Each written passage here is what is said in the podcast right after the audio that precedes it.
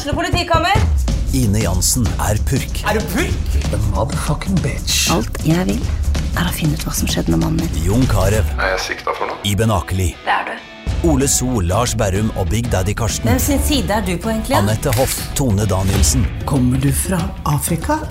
Jørnis Josef, Nesten. Kløfta. Trond Espen Seim, Det er synd å si det, men det var feil mann som døde. Purk.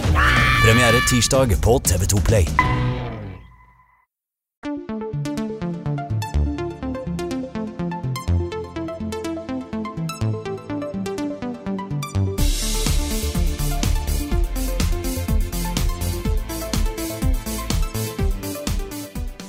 Lars er oppglødd over Horizon. Rune er oppslukt i Bloodborne. Og jeg har litt sånn nærmer seg alvorlig søvnmangel fordi jeg har eh, blitt helt fortapt i Zelda Breath of the Wild. Velkommen til en ny episode av Level Backup, podkasten der vi alle sammen er utrolig gira på ett spill. ja. Og det ene har vi snakka masse om allerede, og de to andre burde vi jo egentlig spare litt. Spare litt. Vi kan si, snak, si litt om det, da. Ja. Det, det gjør ikke noe. Nei, vi kan, vi kan ta en sånn liten, uh, Mm. liten filer. Hvis det, heter, hvis det er noen som heter det. Ja det er bare det første som Mm. poppa opp i huet mitt. En feeler, ja. Ja. Ja. Mm. Men en, som en alltid. liten lillefinger opp. Ja, en liten lillefinger opp i pumpen. uh, mitt navn er som vanlig Karl Martin Hoksnes, og med meg har jeg også, som vanlig, Rune Fjell Olsen og Lars Håkon Stormbakken. Hvordan uh, føler vi oss i dag? Nei, det går vel ganske bra. Jeg var ikke helt i form i går, så jeg var litt bekymra for hvordan det skulle være i dag. Men så roa det seg ned etter hvert. Jeg hadde Jeg skal ikke gå så veldig mye i detalj, men jeg, jeg sleit veldig med kvalme i går kveld. Jeg vet ikke hvorfor. Og så ja. Det Må ikke sånn- slikke er på vel- de Switch-spillene, Nei, vet du. men det er vel overgangsalderen, da? Eller et eller Ja, annet. kanskje det er det. Jeg vet ikke. Begynner litt tidlig. Nei, jeg vet ikke. Jeg bare var skikkelig uggen i magen i går, og da bare Det å skal være sosial og det å gjøre ting når man I hvert fall når man er kvalm, Mm, det er ikke så lett. det er ikke lett. Men det var kvinnedagen i går, da. Det kan jo hende at du hadde mensen. At du var liksom litt i sympati med alle verdens kvinner. Det kan godt Ja, det kan hende at det var en sånn solidarisk uh... Mm. Mm. Ja. Ja. Ja, Det- det er mulig, mulig. Jeg vet ikke. Sympati Ja. Det slår et slag for, for kvinner. Mm. Ja. Men det er viktig, det. Det er bra. det. Ja, ja da, absolutt. Kanskje var ubevisst. Ja. Det var litt kult at det var kvinnedagen i går også. Eh, jeg tenkte gjennom, på det gjennom hele Horizon-spillinga mi. Hvor kul Aloy er. Altså hvor uh, utrolig kult det er at, hun- aldri bruker liksom pupper eller rumper eller kjønnet sitt for å oppnå noe i dette spillet. Mm. Eh, du har én Jeg møtte én NPC i det spillet som liksom behandler henne litt på den måten, og hun bare Nei, ikke finn på å gjøre det, liksom. Sånn ordentlig kontant, da. Mm. Vi snakket om det før vi gikk inn her. Ja, ikke sant? Og jeg prøvde å si litt uten å si for mye, og det er, det, det er dødskult. Ja, det er liksom. kjempekult. Ja, veldig kul eh, dialog som skjer der. Mm. Og hun er et, hun er et ordentlig godt eh, forbilde for, eh, for jenter som kommer inn i spillet, og som får den Mm. type helter. da. Jeg syns Mm. det er innmari bra Mm. at eh, det lages den type kvinnelige helter i spill. Ja. Agreed. Nå har jeg ikke spilt spillet ennå, men jeg, jeg, har jo skjønt at hun er en veldig, veldig kul figur. Mm. Og jeg tenker ikke noe på det sånn altså det, det påvirker ikke spillopplevelsen i seg selv. Det er bare liksom befriende at det elementet ikke er der i det hele tatt. Det føles bare helt riktig, da. Ja. Ja. Og så er jo også det, dette et univers, da, Horizon-universet er jo et univers hvor Uh, OK, du har noen stammer hvor liksom det ikke er fullt så mye uh, likestilling, men generelt sett over hele verden, uansett hvor hun går, så møter hun bare respekt for det hun har fått til. Ja. Uansett om det er fra kvinner eller menn. eller også hun, Det er ikke noe, eh, det er ikke noe forskjell på kjønnet på den måten. da. Så eh, ja. Stilig. ja, det er bare en naturlig del av hele verden, egentlig. Mm. Det er bare sånn er det. Høres veldig bra ut. Ja da, det er kjempefint. Er, ja, det er ikke noen grunn til at det ikke burde være sånn. Nei, det er jo ikke det. Men for å gå, for å gå litt videre, så har, jo, um, har vi jo spilt uh, mye forskjellig i det siste. Vi nevnte jo litt i starten, men eh, jeg har jo spilt eh, Legend of Zelda, Breath of the Wild. Har vel Mm. nå sikkert spilt i 50 timer, i hvert fall. Noob. Noob. Ja, for lite. For lite. S- Sove kan du gjøre når du er dau, Ja. er noe som heter. Men eh, nei, jeg har spilt i, i rundt 50 timer og har da runda det omsider. Mhm, Bra. Jeg, eh, kom, jeg kom til rulleteksten i natt, Kult. og eh, er da i full gang med å bare få den anmeldelsen ferdig. Mm. Må skrive den ferdig først. Uh, og så blir det hele prosessen med voicing og klipping og diverse. Så skal jeg få den ut så, så fort jeg kan. Stilig. Men uh, jeg kan i hvert fall avsløre såpass som at jeg digger det. Mm. At det er uh, Det er det største skrittet serien har tatt siden Ocarina of Time. Mm. By far. Og det er kjempekult. Så det er utrolig kult. Og det, det blir en positiv anmeldelse, såpass kan jeg si. Bombe. Ja, det, det er skikkelig hot take. Men jeg gleder meg veldig til å se anmeldelsen din, og høre din take på det spillet. Det er eh, Ja, det, det blir kos. Ja, å sette eh, meg ned og se den. Jeg har mye følelser. Ja. Mye, veldig mye på hjertet. Så jeg må Mm. prøve å bare få, få det fram på en god måte. Mm. Men jeg kan jo én ting da, som jeg, som jeg kan eh, si. Jeg kan fortelle en sånn liten historie fra min gjennomspilling. Fordi det er jo et sted, en vulkan, som du kan utforske etter hvert. Eller når som helst, for så vidt. For det er jo sånn spill funker. At du kan gå hvor du vil, når du vil. Ja. Og jeg tenkte liksom OK, jeg skal opp på vulkanen, der er det lava. Så jeg må lage noen sånne heat resistance potions. Så gjorde jeg det. da. Jeg fant liksom ut at ok, hvis du bruker de, så får du sånn heat resistance buff. Og, og så tenker jeg liksom OK, nå er jeg forberedt. Og så kommer jeg opp dit, og så bare tar jeg fyr. sånn spontant. Bare pff, Ja. Uh, og tenker OK, shit. Og så ser jeg at liksom noen av trevåpnene mine uh, er det sånn røyk på. Da tenker jeg at OK, shit, jeg kan ikke ha trevåpen her, for de begynner å brenne. så da bytter jeg først til liksom bare andre typer våpen, men brenner fortsatt. Så tenker jeg shit, hva nå? Og så har jeg liksom Jeg har tatt på meg heat resistance-portion, jeg bare skjønner ikke hva som skjer. Og så tenker jeg OK, jeg må slippe fra meg alle våpen som er liksom tre. Så gjør jeg det, da. Bare legger alt i en haug på bakken. Ser jeg på at det, det, bare ligger der og brenner. og så tar jeg fortsatt fyr. Jeg bare flyr rundt og bare løper og bare prøver å liksom begynne å prate med folk, for kanskje hvis jeg prater med noen, så mister jeg så flammene. Men det viser seg da at uh, heat resistance og flammeresistance er to forskjellige ting. Oh, ja. Så det, det er det jeg ikke hadde fått med meg. OK, greit. Men det jeg digger, er at spillet lot meg finne ut av det på egen hånd. Ja, det er tøft. Fordi i alle andre Zelda-spill så hadde det kommet en figur opp og sagt at ja, Link, du må ha flammeresistance, ikke sant? Ellers så kommer du til å dø her. Ja, ja. Men det spillet her bare lot meg gjøre det. Ah, Og bare det er nice, ut. Og det er så deilig. Og det er, det er sånn hele spillet funker. Du får liksom hint hvis du snakker med riktig person, men du kan veldig lett ikke snakke med dem. Du kan veldig lett miste dem. Og øh, bare gå helt din egen vei, da. mm. Så det føles som et spill som jeg liksom oppdager helt på egen hånd. Og alt er bygd opp sånn.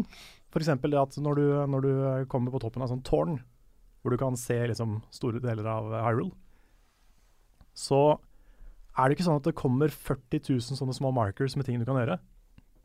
Isteden så ser du etter kule ting, Mm. og så kan du markere de sjøl. Hvis du liksom Der var det noen rar mystisk stein. Eller der var det et shrine. Eller der var det en by, liksom. Så kan du markere de, og så bare flyr du litt med den der paraglideren din. Mm. Og det er så sånn fritt, da. Og jeg blir ikke stressa over liksom alle de der eh, ikonene overalt, for de er ikke der. Mm. Og eh, nei, det er bare utrolig digg å bare fly rundt og utforske den verden. Altså. Det høres veldig deilig ut. Og ba, bare det at de har, de har gjort det så åpent, og så vanskelig òg. Det er veldig mye vanskeligere enn alle de andre spilla. Mm. Kanskje siden liksom det første. Mm. Så nei, jeg syns det, er- det er veldig modig av de å gjøre det sånn. Mm. Og ta det skrittet ut og bare fjerne alt av vegger, bortsett fra liksom den første tutorial-veggen. Mm. Og bare si 'her er en svær verden, kos deg', liksom. Det høres veldig deilig ut. Helt utrolig bra. Altså. Ja. Mm. Det er, ja. Jeg Hadde det ikke vært for at uh, jeg er dypt inne i et annet spill nå, så hadde jeg også vært dypt inne i Selda. ja vi, kan jo, vi kan jo glatt gå over til deg. si litt hva du er dypt inni. Ja, jeg kan jo først nevne da at eh, jeg har fortsatt å spille Horizon siden sist. På lørdag så fikk jeg platinum i spillet. Hey. Det var litt pussig at du nevnte 50 timer, for det var uh, ca. 51 timer jeg brukte på, på det spillet. Ja. Så um, ble helt ferdig. Det var viktig for meg å bli helt ferdig med det spillet. Når jeg så at jeg kunne gjøre det, liksom, få platinum, så var det viktig for meg å få gjort det før jeg kunne gå videre. Brukte du 51? 51 Ja. Fordi jeg er nå oppe i eh, 53 timer, og jeg er ikke jo i nærheten av ferdig. Jeg har gjort alt mulig Sidequest, ting og tang, nærmer meg level 50, Mm. og um, er på level 23 eller noe i storyen, tror jeg. Nettopp. Main storyen. Um, jeg tror kanskje du har brukt litt mer tid på å farme, å farme uh, maskiner. Ja, jeg vet ikke om jeg har farma så mye, men jeg har bare gått rundt Ja, og gjort sant. ting. Det tar fort en time. Uh, ja. Jeg kjøpte jo uh, Med en gang jeg kunne, så kjøpte jeg den fast travel-buffen. Mm, Som gjorde at du kunne fast travele overalt. Uendelig, ja. Så, så den har jeg brukt, brukt ganske mye. Når jeg følte at, at uh, den gleden over å bare uh, hacke en uh, strider og ri rundt omkring hadde lagt seg litt, da. Ja. Jeg ville bare komme fram til missions, så, så gjorde jeg det. Fast travel overalt hvor jeg kunne. Ja. Så det gikk ganske radig unna på slutten her, altså. Det tviler jeg ikke på. Men veldig bra spill. Jeg er veldig fornøyd med det. Så jeg Ja. liker det kjempegodt. Og en av grunnene til at jeg bruker litt tid nå, er fordi jeg jobber med å mm, finne Jeg prøver å finne disse her eh, corsa. Jeg skal ha den der eh, rustningen. Den er så fet! ja, jeg vet Da jeg ja. fikk den rustningen, det er noe av det kuleste i hele det spillet. ja, Du blir så OP. ja. Og plutselig Og så jeg var inne i sånne lange, seige kamper mot svære maskiner. Mm, Kanskje opptil flere av dem på en gang. mm. Jeg trengte ikke å bruke liksom noe helseting noen ganger. Nei. Så jeg var litt flink. Ja. For den, den, den tåler så mye. Ja. Altså, du, må, du må få så vanvittig mye damage mot deg før helsa di begynner å gå ned. Ja.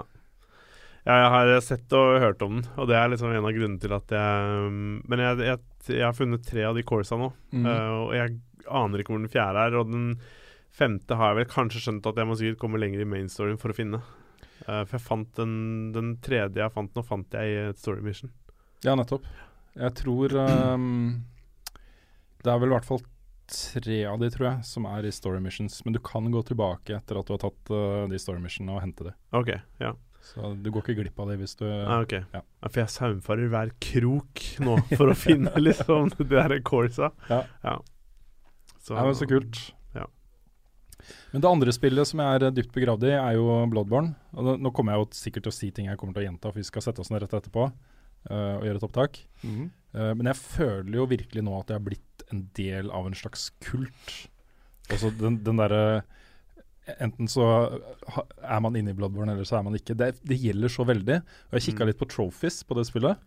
Og jeg ser at det er bare 51% av de som har spilt Bloodborne, som har tatt Father Gascoigne. Oi. Så halvparten av de som spiller Bloodborne, kommer seg ikke forbi den andre bossen. Og det er 61 eller noe sånt, rundt 60% på Cleric Beast. Så det er liksom Den er sykt hard, da. Ja, Altså, eller han Ja, er, er- eh, Han er. en badass, liksom. Mm. men det, er, men det at det, det er så mange mennesker Altså Halvparten er ganske mye folk, altså. Mm. Som bare ikke har kommet seg lenger enn det i spillet. Ja. Men hvor, hvor vanlig er det sånn generelt? For det er jo ganske mange som kjøper spill og bare spiller det én gang, og så legger de fra seg. Ja da, absolutt. Um, Destiny f.eks. har jo helt kriminelt uh, lave tall på en del av de enkle trophyene. Sånn det å equippe et legendary uh, item, liksom. Ja, ikke sant. Som bare er ikke sant, 30 eller 40 Jeg husker ikke hva det tallet er, men det er ikke så veldig høyt. da Mm. Um, så så det, er ikke, det er ikke sånn veldig uvanlig. Men jeg, jeg vil jo anta at de fleste som har kjøpt Bloodborne, har gjort det med en tanke om at de har virkelig lyst til å liksom komme seg De har hørt det er vanskelig, Mm. de har liksom lyst til å komme seg gjennom, og så har de bare gitt opp. Ja. Den følelsen fordi Uh, hvis man ikke hvis man ikke kommer over en sånn terskel og føler at man er, har blitt ganske flink, at man, hvis man ikke føler selv at dette kan jeg fikse, hvis jeg bare holder ut, Mm. så gir man seg. Ikke Ja. sant? Sant. Mm. Så ja. Men det går innmari bra. Jeg knerter bosser i øst og vest og Ja, reiser det. Ja. farter rundt og Det er så kult, fordi jeg, eh, jeg har jo eh, På eh, smartklokka mi, eller pulsklokka mi, så går det an å koble til telefonen. Og innimellom så bare vibrerer det og vibrerer det og vibrerer det. Og da er det sånn Da er det Rune som har skrevet i chatten vår om liksom bare Ja, så er det det, og så Jeg skjønner egentlig ikke hva alt dette her er for noe, og så skal, skal jeg dit, så har jeg funnet en hemmelig path der og en secret der, og jeg bare Du er liksom helt oppslukt. Ja, ja, virkelig. Og det, er- det er jo litt uh, på grunn av, eh, av eh, stemningen i spillet. Mm. Man blir veldig sugd inn i det, og hvis man først er inni det, så har man altså Det er litt sånn klaustrofobisk, nesten. Man er på en måte fanga i noe. Mm. Man blir litt besatt av det. Ja. Så eh, jeg, jeg, jeg gleder meg litt til at vi kommer til eh, Til jeg kommer til liksom det samme punktet du er på, Karl. Hvor du kan sette deg ned med Bloodborne for å kose deg, liksom. Mm. For det gjør jeg. Altså, jeg koser meg, jeg har det bra, liksom. Men, eh, Ja. men eh, jeg har det jo vondt også. Det er ganske, ganske eh, jævlig innimellom. Ja, men det Jo, men er jo den sånn, er jo hele opplevelsen, føler jeg. Ja. ja, det er den- en del av det. Ja. Den en veldig sånn mørke, undertrykkende, skumle, fæle Ja. stemningen. Mm. Den, den sitter, altså. Og den får du jo enda mer når det er vanskelig. Og det er, jeg har, jeg har snakka om det så mange ganger også. Jeg, det er så bra at uh, spill ikke bare er sånn derre eh, At du skal ha det fett, liksom. Mm. Men at de virkelig Her har du spill som river og sliter litt i deg, og som drar i noen uh, tråder som ikke så mange andre spill gjør, og som Mm. Ja, for, for det, det har vært en trend i mange år. Det at Mm. spill bare skal være liksom gøy og ganske Ikke nødvendigvis enkle, men ikke for vanskelig. Nei. Det skal være mulig for alle å komme seg gjennom uh, greit, liksom. mm. Uh, men det begynner å snu litt, det nå, altså. Ja, jeg tror også det. Og jeg syns det er litt kult. Mm. Ikke fordi altså, det er bare bra at folk kommer seg gjennom spill, men det at du liksom får den utfordringa. At uh, spillet respekterer spillere såpass mye at de ja, gir dem litt den der tilliten med at jo, du klarer vanskelige ting. Mm. Mm. Det må ikke bare være liksom superenkelt. Du ser det liksom nå i Zelda, og du har det i uh, Horizon også. Det er vel ganske vanskelig av og til, er det ikke det? Ja og nei. Jeg, jeg okay. syns ikke det er så veldig vanskelig, altså. Um, det var uh, Da vi satt og streama det, så hadde jo ikke jeg brukt noe tid på å kjempe mot de største uh, maskinene ennå. Mm. Så jeg hadde liksom ikke satt meg inn i hvordan man tar de. Nei. Uh, men med en gang jeg hadde gjort det, da, så var det jo Mm. Det er en mission der hvor du skal ta liksom den største, baddeste, sånn mytisk maskin. Mm. eh, i forbindelse med Hunters Lodge eh, Questline. Som jeg ville anta egentlig er ganske vanskelig. Men da hadde jeg for det første så hadde jeg den rustningen. Ja, ok. og for det andre så hadde jeg liksom forstått hvordan man går fram da, for å ta disse maskinene. Og det var piece of cake. Det var kjempelett. Ja, altså jeg føler liksom Det er mulig når du har den rustningen at det forandrer nok mye, tror jeg. Men for det er øyeblikk hvor jeg kommer over en del tramplers og ting og tang, og så ser det ut som det ikke er så mange av de. Og så plutselig Det er veldig lett å bli overrumpla og overvurdere situasjonen, eller at du tror du er Eller at du undervurderer, kanskje, er vel mer riktig å si. Eh, fordi det som skjer, er at eh, flere dyr i området oppdager det. Ja. Og du får Du blir angrepet fra siden og sånn mens du er fokusert på en, så plutselig så kommer det en watcher eller en sånn der eh, longleg, eh, en høne, Mm. uh, fra siden som bare angriper deg. Og de, hvis ikke du er forberedt på det, så kan du bli litt uh, most. Ja, da, det er, det er ikke det at jeg ikke har dødd i spillet. Nei. Det har jeg def definitivt gjort mange ganger. men uh, men uh, samtidig så Nei, jeg, det var ingen av de store, store fightene Nei. som eh, selv ikke av de største uh, story-questene Mm. som jeg syns var direkte vanskelige. Dette var uh, før jeg hadde begynt å spille Bloodborne også, mesteparten. Så, i hvert fall før jeg hadde kommet skikkelig inn i det. Mm. Så det var ikke sånn at, at jeg hadde liksom blitt flinkere. Min verste fiende i det spillet her er fall damage. Jeg har ja, ikke tall på hvor mange ganger jeg har dødd av å falle ned i en høyde hvor jeg tenker at dette går greit, Ja, men det gjør ikke det, Ja, det gjør ikke det. Så Ja, jeg tenker sånn eh, Jeg tror mye av det også handler litt om at spillet gir deg noen mekanikker som du kan bli god i. Mm. Fordi eh, hvis du tar liksom Bloodborne, som er veldig kjapt, veldig presist Du har så å si 100% kontroll over figuren din. Mm. Sammenligna med si Assassin's Creed. da Nå Mm. føler jeg bruker Assassin's Creed veldig ofte som sånn negativ Jeg er veldig glad i Assassin's Creed, uh, men det er en del designting der som jeg ikke nødvendigvis er sånn superfan av. Press X to execute. Ja, altså sånne type ting. Og den derre at de har prioritert veldig sånn overdrevent fine animasjoner Mm. istedenfor presisjon. Ja. For du føler aldri at du har 100, kon- 100 kontroll i Assassin's Creed. Plutselig så hopper det opp en vegg du ikke skulle opp, ikke sant? Ja, det er sant, det. Ja. Og det, det gjør at jeg aldri føler jeg blir god i Assassin's Creed. Mm. Jeg har spilt alle spillene, men jeg er fortsatt ikke noe god, føler jeg. Jeg, lik, jeg likte i hvert fall eh, sånn rundt Assassin's Creed 2. eh, det parry-systemet de hadde, og blokking og counterattacks og sånne ting. Der syns jeg de var veldig flinke til å designe fighter som eh, gikk over litt tid, og som, som var interessante å, å kjempe i. Hvor du Mm. liksom måtte fokusere på én og én og drive og liksom counterattack og sånn hele veien da, for å Mm. komme deg gjennom. Ja. Uh, der syns jeg de fikk til det ganske bra. Jeg vet ikke helt hvordan det er i nyere spill, men uh. Nei.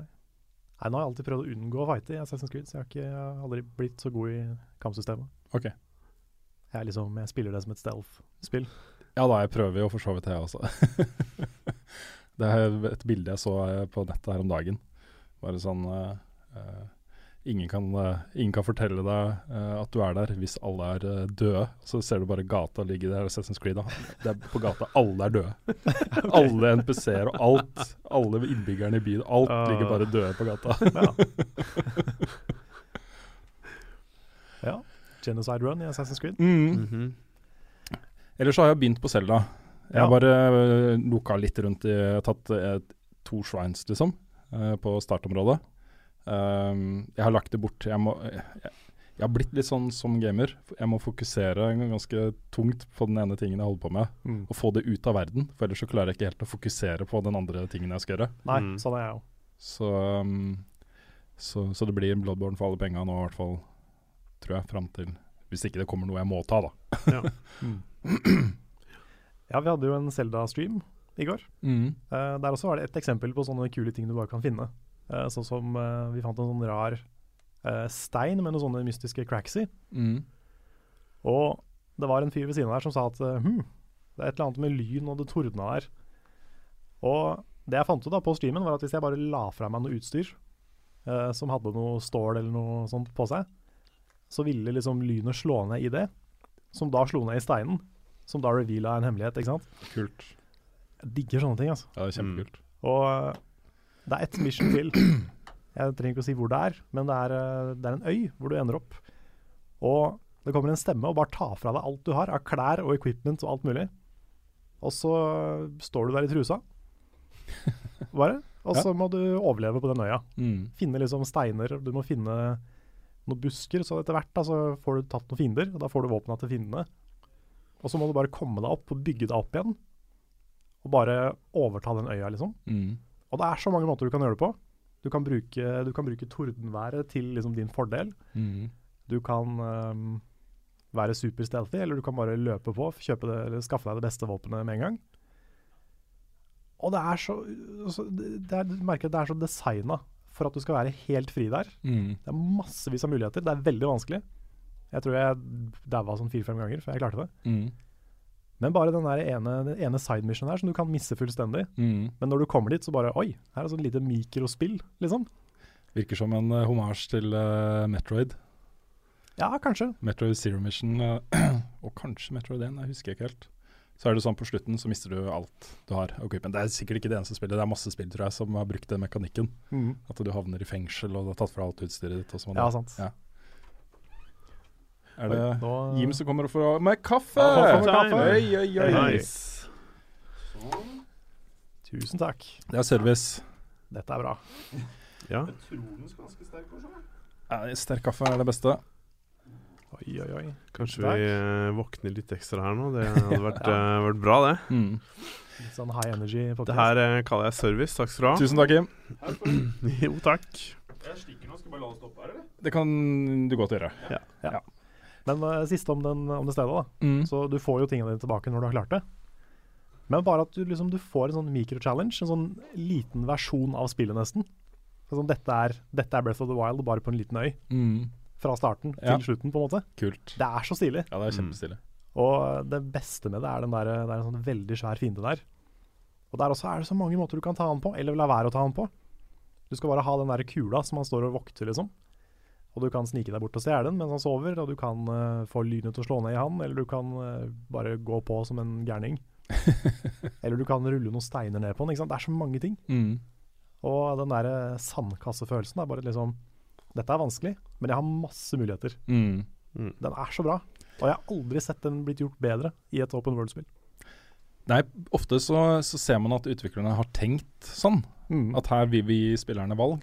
Men på et eller annet tidspunkt så har de sagt vi kan ikke gi de flere valg, for det har vi ikke tid til å lage.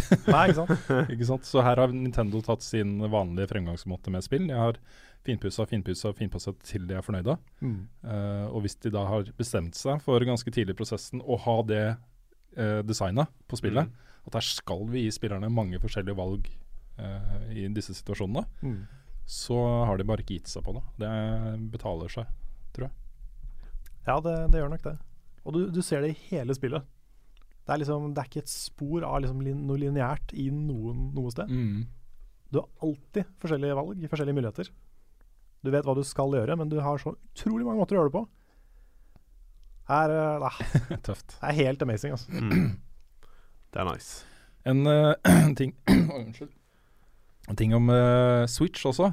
Eh, jeg husker jo vi har snakka om, eh, om det for en stund siden. Eh, hva skjer med liksom spillkonsoller i fremtiden? Og så har vi snakka om at kanskje fremtiden blir sånn at PlayStation blir en app på tableten din, og så kobler du tableten til TV-en og kjøper bare tilleggsutstyr å spille med. Mm. og sånne ting. Det er jo Switch. Og Ja, Switch, nesten. Switch ja, nesten. Men også Switch er både en dedikert spillmaskin og en Uh, tabletmaskin. Altså en, en bærbar maskin. Mm. Uh, og den gjør det på en ganske elegant måte, og det funker. Og, det, og det, jeg, tror at uansett hvordan det går med Switch, så har den vist oss litt av hvordan fremtiden kommer til å være. Mm. Jeg er ganske sikker på det, altså. Ja. Ja. ja, det er jo en, en veldig liten, men likevel full HD-konsoll.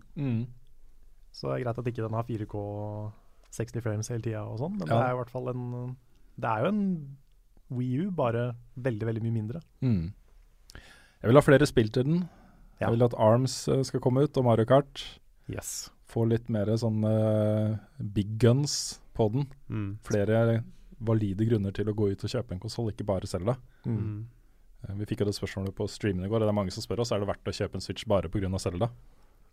Svaret var vel noe sånt hvis du har god råd. ja. Ja, det er, det er Hvis du vanskelig, har vanskelig å styre andre menneskers økonomi, Mm. men uh, ja, hvis du har penger til det, så ville jeg vurdert det. Hvis eh, 3500 kroner for deg er en vanlig lørdagskveld på byen med champis og kaviar, så er det verdt Og kaviar, ja. ja. ja. Mm. Du kan droppe kaviaren for en Switch. Russisk kaviar, da. Ikke, Å, ja. ikke sånn derre Nei, ikke sånn som du får med sånn bilde av Det er kanskje ikke bilde av barn på kaviaren. Nei, Det det husker jeg ikke. Ja, det er leverposteien, det, ja. Det er Kanskje. det. Første. Eh, ja. Ja, For den er ikke så dyr. Nei, leverposteien, nei. Leverposteien og vanlig kaviar, det du kjøper uh, og har på brødskiva. Hvis du, hvis, hvis du har valget mellom å kjøpe masse min første leverpostei og Nintendo Switch, Mm. da ville jeg kjøpt Switch. Ja, Hvis du kjøper liksom 10 000 bokser Ja. ja. ikke 10 000, det blir litt, litt uh, ja, det var litt mye. Ja, da koster hver boks mindre enn en Ja, krone. jeg bare da Veldig billig leverpostei. Ja, Mm. 33 øre for en leverpostei.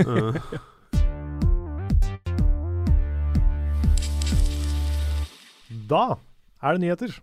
Vi har et par eh, litt sånn hot, hot button issues. Hot potatoes. Yes. Ja. Uh, vi, vi kan eh, spare de til litt senere i spalten. Okay. Jeg må ta en sak først som vi må være litt forsiktige med å, å si noe bastant om. Okay. Fordi det er en sak under utvikling.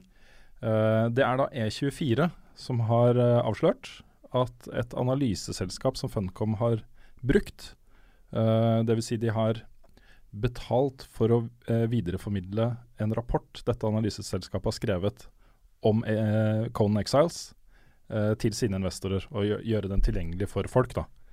Um, det viser seg at uh, da ifølge E24 um, at uh, Prestigio, uh, som det selskapet, eller Prestigo, som det selskapet heter, feilinformerer om egne ansatte, egen størrelse og skryter på seg storavtaler de ikke har. De har liksom prøvd å eh, få tak i folk som jobber i det selskapet. Um, ikke klart det. De har eh, funnet eh, oversikter over ansatte i dette selskapet på hjemmesiden. Og Det er da bilder som er tatt for et annet analyseselskap og sånne ting. Um, og det er på en måte, de, de finner ikke noe informasjon om hvem dette selskapet er. Og det har vært et, en rapport da, som har vært veldig positiv til utviklingen av uh, Exiles. Og ikke et vondt ord om spillet og den suksessen det har hatt, for det har jo uh, kanskje til og med runda nå en halv million solgte spill. mm. Um, men det virker som det selskapet her er liksom Det er et eller annet fishy her, da. Hmm. Dette er en sak som jeg regner med kommer til å ha en utvikling. Uh, Funcom selv sier at de har ingenting med dette selskapet å gjøre. Uh, og de pengene de har betalt til det, er rett og slett små summer. Det er ikke snakk om mye penger, det er bare for å få det liksom distribuert videre, da. Uh, men det er på en måte E24 skjønner ingenting av hvem dette selskapet egentlig er, og hvorfor det eksisterer. Nei. Uh, og uh, den underliggende påstanden er jo da at dette er et selskap som eksisterer eh, for å manipulere aksjekurs. Mm. Um, ikke sant? Og det, det er en sånn Det er en veldig lei påstand, en veldig alvorlig påstand. men jeg forventer at dette her kommer til å ha en videreutvikling. Så jeg, ble, jeg er veldig nysgjerrig på å følge den saken her videre. Ja. Om, eh, ikke, nå sier jeg ikke at Funcom har gjort det bevisst. Eh, det finnes det ikke noe belegg for å si. Nei. Eh, det kan like gjerne være at, at um, det sitter noen med økonomiske interesser der ute som prøver å påvirke en aksjekurs for sin egen del fordi de har aksjer. ikke Ja. sant? Så det, det, er, det er mange teorier her, uh, og ingen håndfaste beviser. Nei. Men det at dette selskapet tilsynelatende er så fishy, uh, ringer jo, det ringer noen alarmbjeller. da. Ja. Mm. Det kan bli ganske stygt. Ja, det, det høres ikke helt pent ut.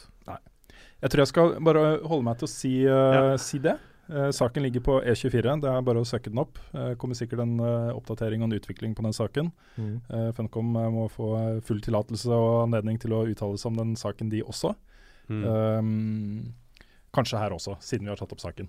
Så vi skal følge opp denne saken her neste uke hvis det skjer en utvikling. Yes. Ja.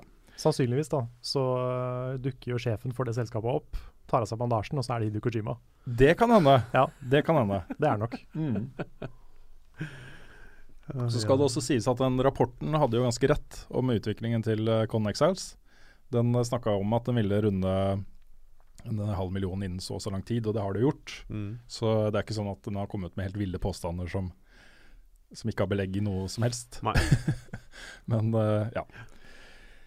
Greit. Um, jo, jeg bare nevner en annen ting. Han som er liksom oppført som uh, en av sjefene der, uh, han heter uh, uh, Owen Spencer, tror jeg det var. Owen Spencer, ja. Han har oppført på LinkedIn at han har en, en um, uh, eksamen i et fag på Westerdals. uh, I et fag da som Westerdals aldri har uh, tilbudt. Oi, Oh, ja. Ikke sant? wow. Så det, er, det er så mange sånne småting der Ja, som gjør hele saken litt sånn juicy. Ja, det er ganske juicy. Shady shit. Uh, og det blir ikke noe mindre juicy i neste sak. Det var jo nesten sånn at vi burde ha trykka på rekk mens vi eh, gikk gjennom den før eh, Ja, vi hadde en egen sånn off-cam, eller off- eh, off-sound mini-podcast i Ja. mellomtiden her. ja, Lars var oppe i taket og flagra for han var så opprørt. Ja, det var, det var engasjement, så vi Ja. må bare prøve å gjenskape litt Ja, av engasjementet. Kanaliser, vi- kanaliser eh, ville, ville Lars nå. Skal vi klare å få til Vil du legge premissene først, eller?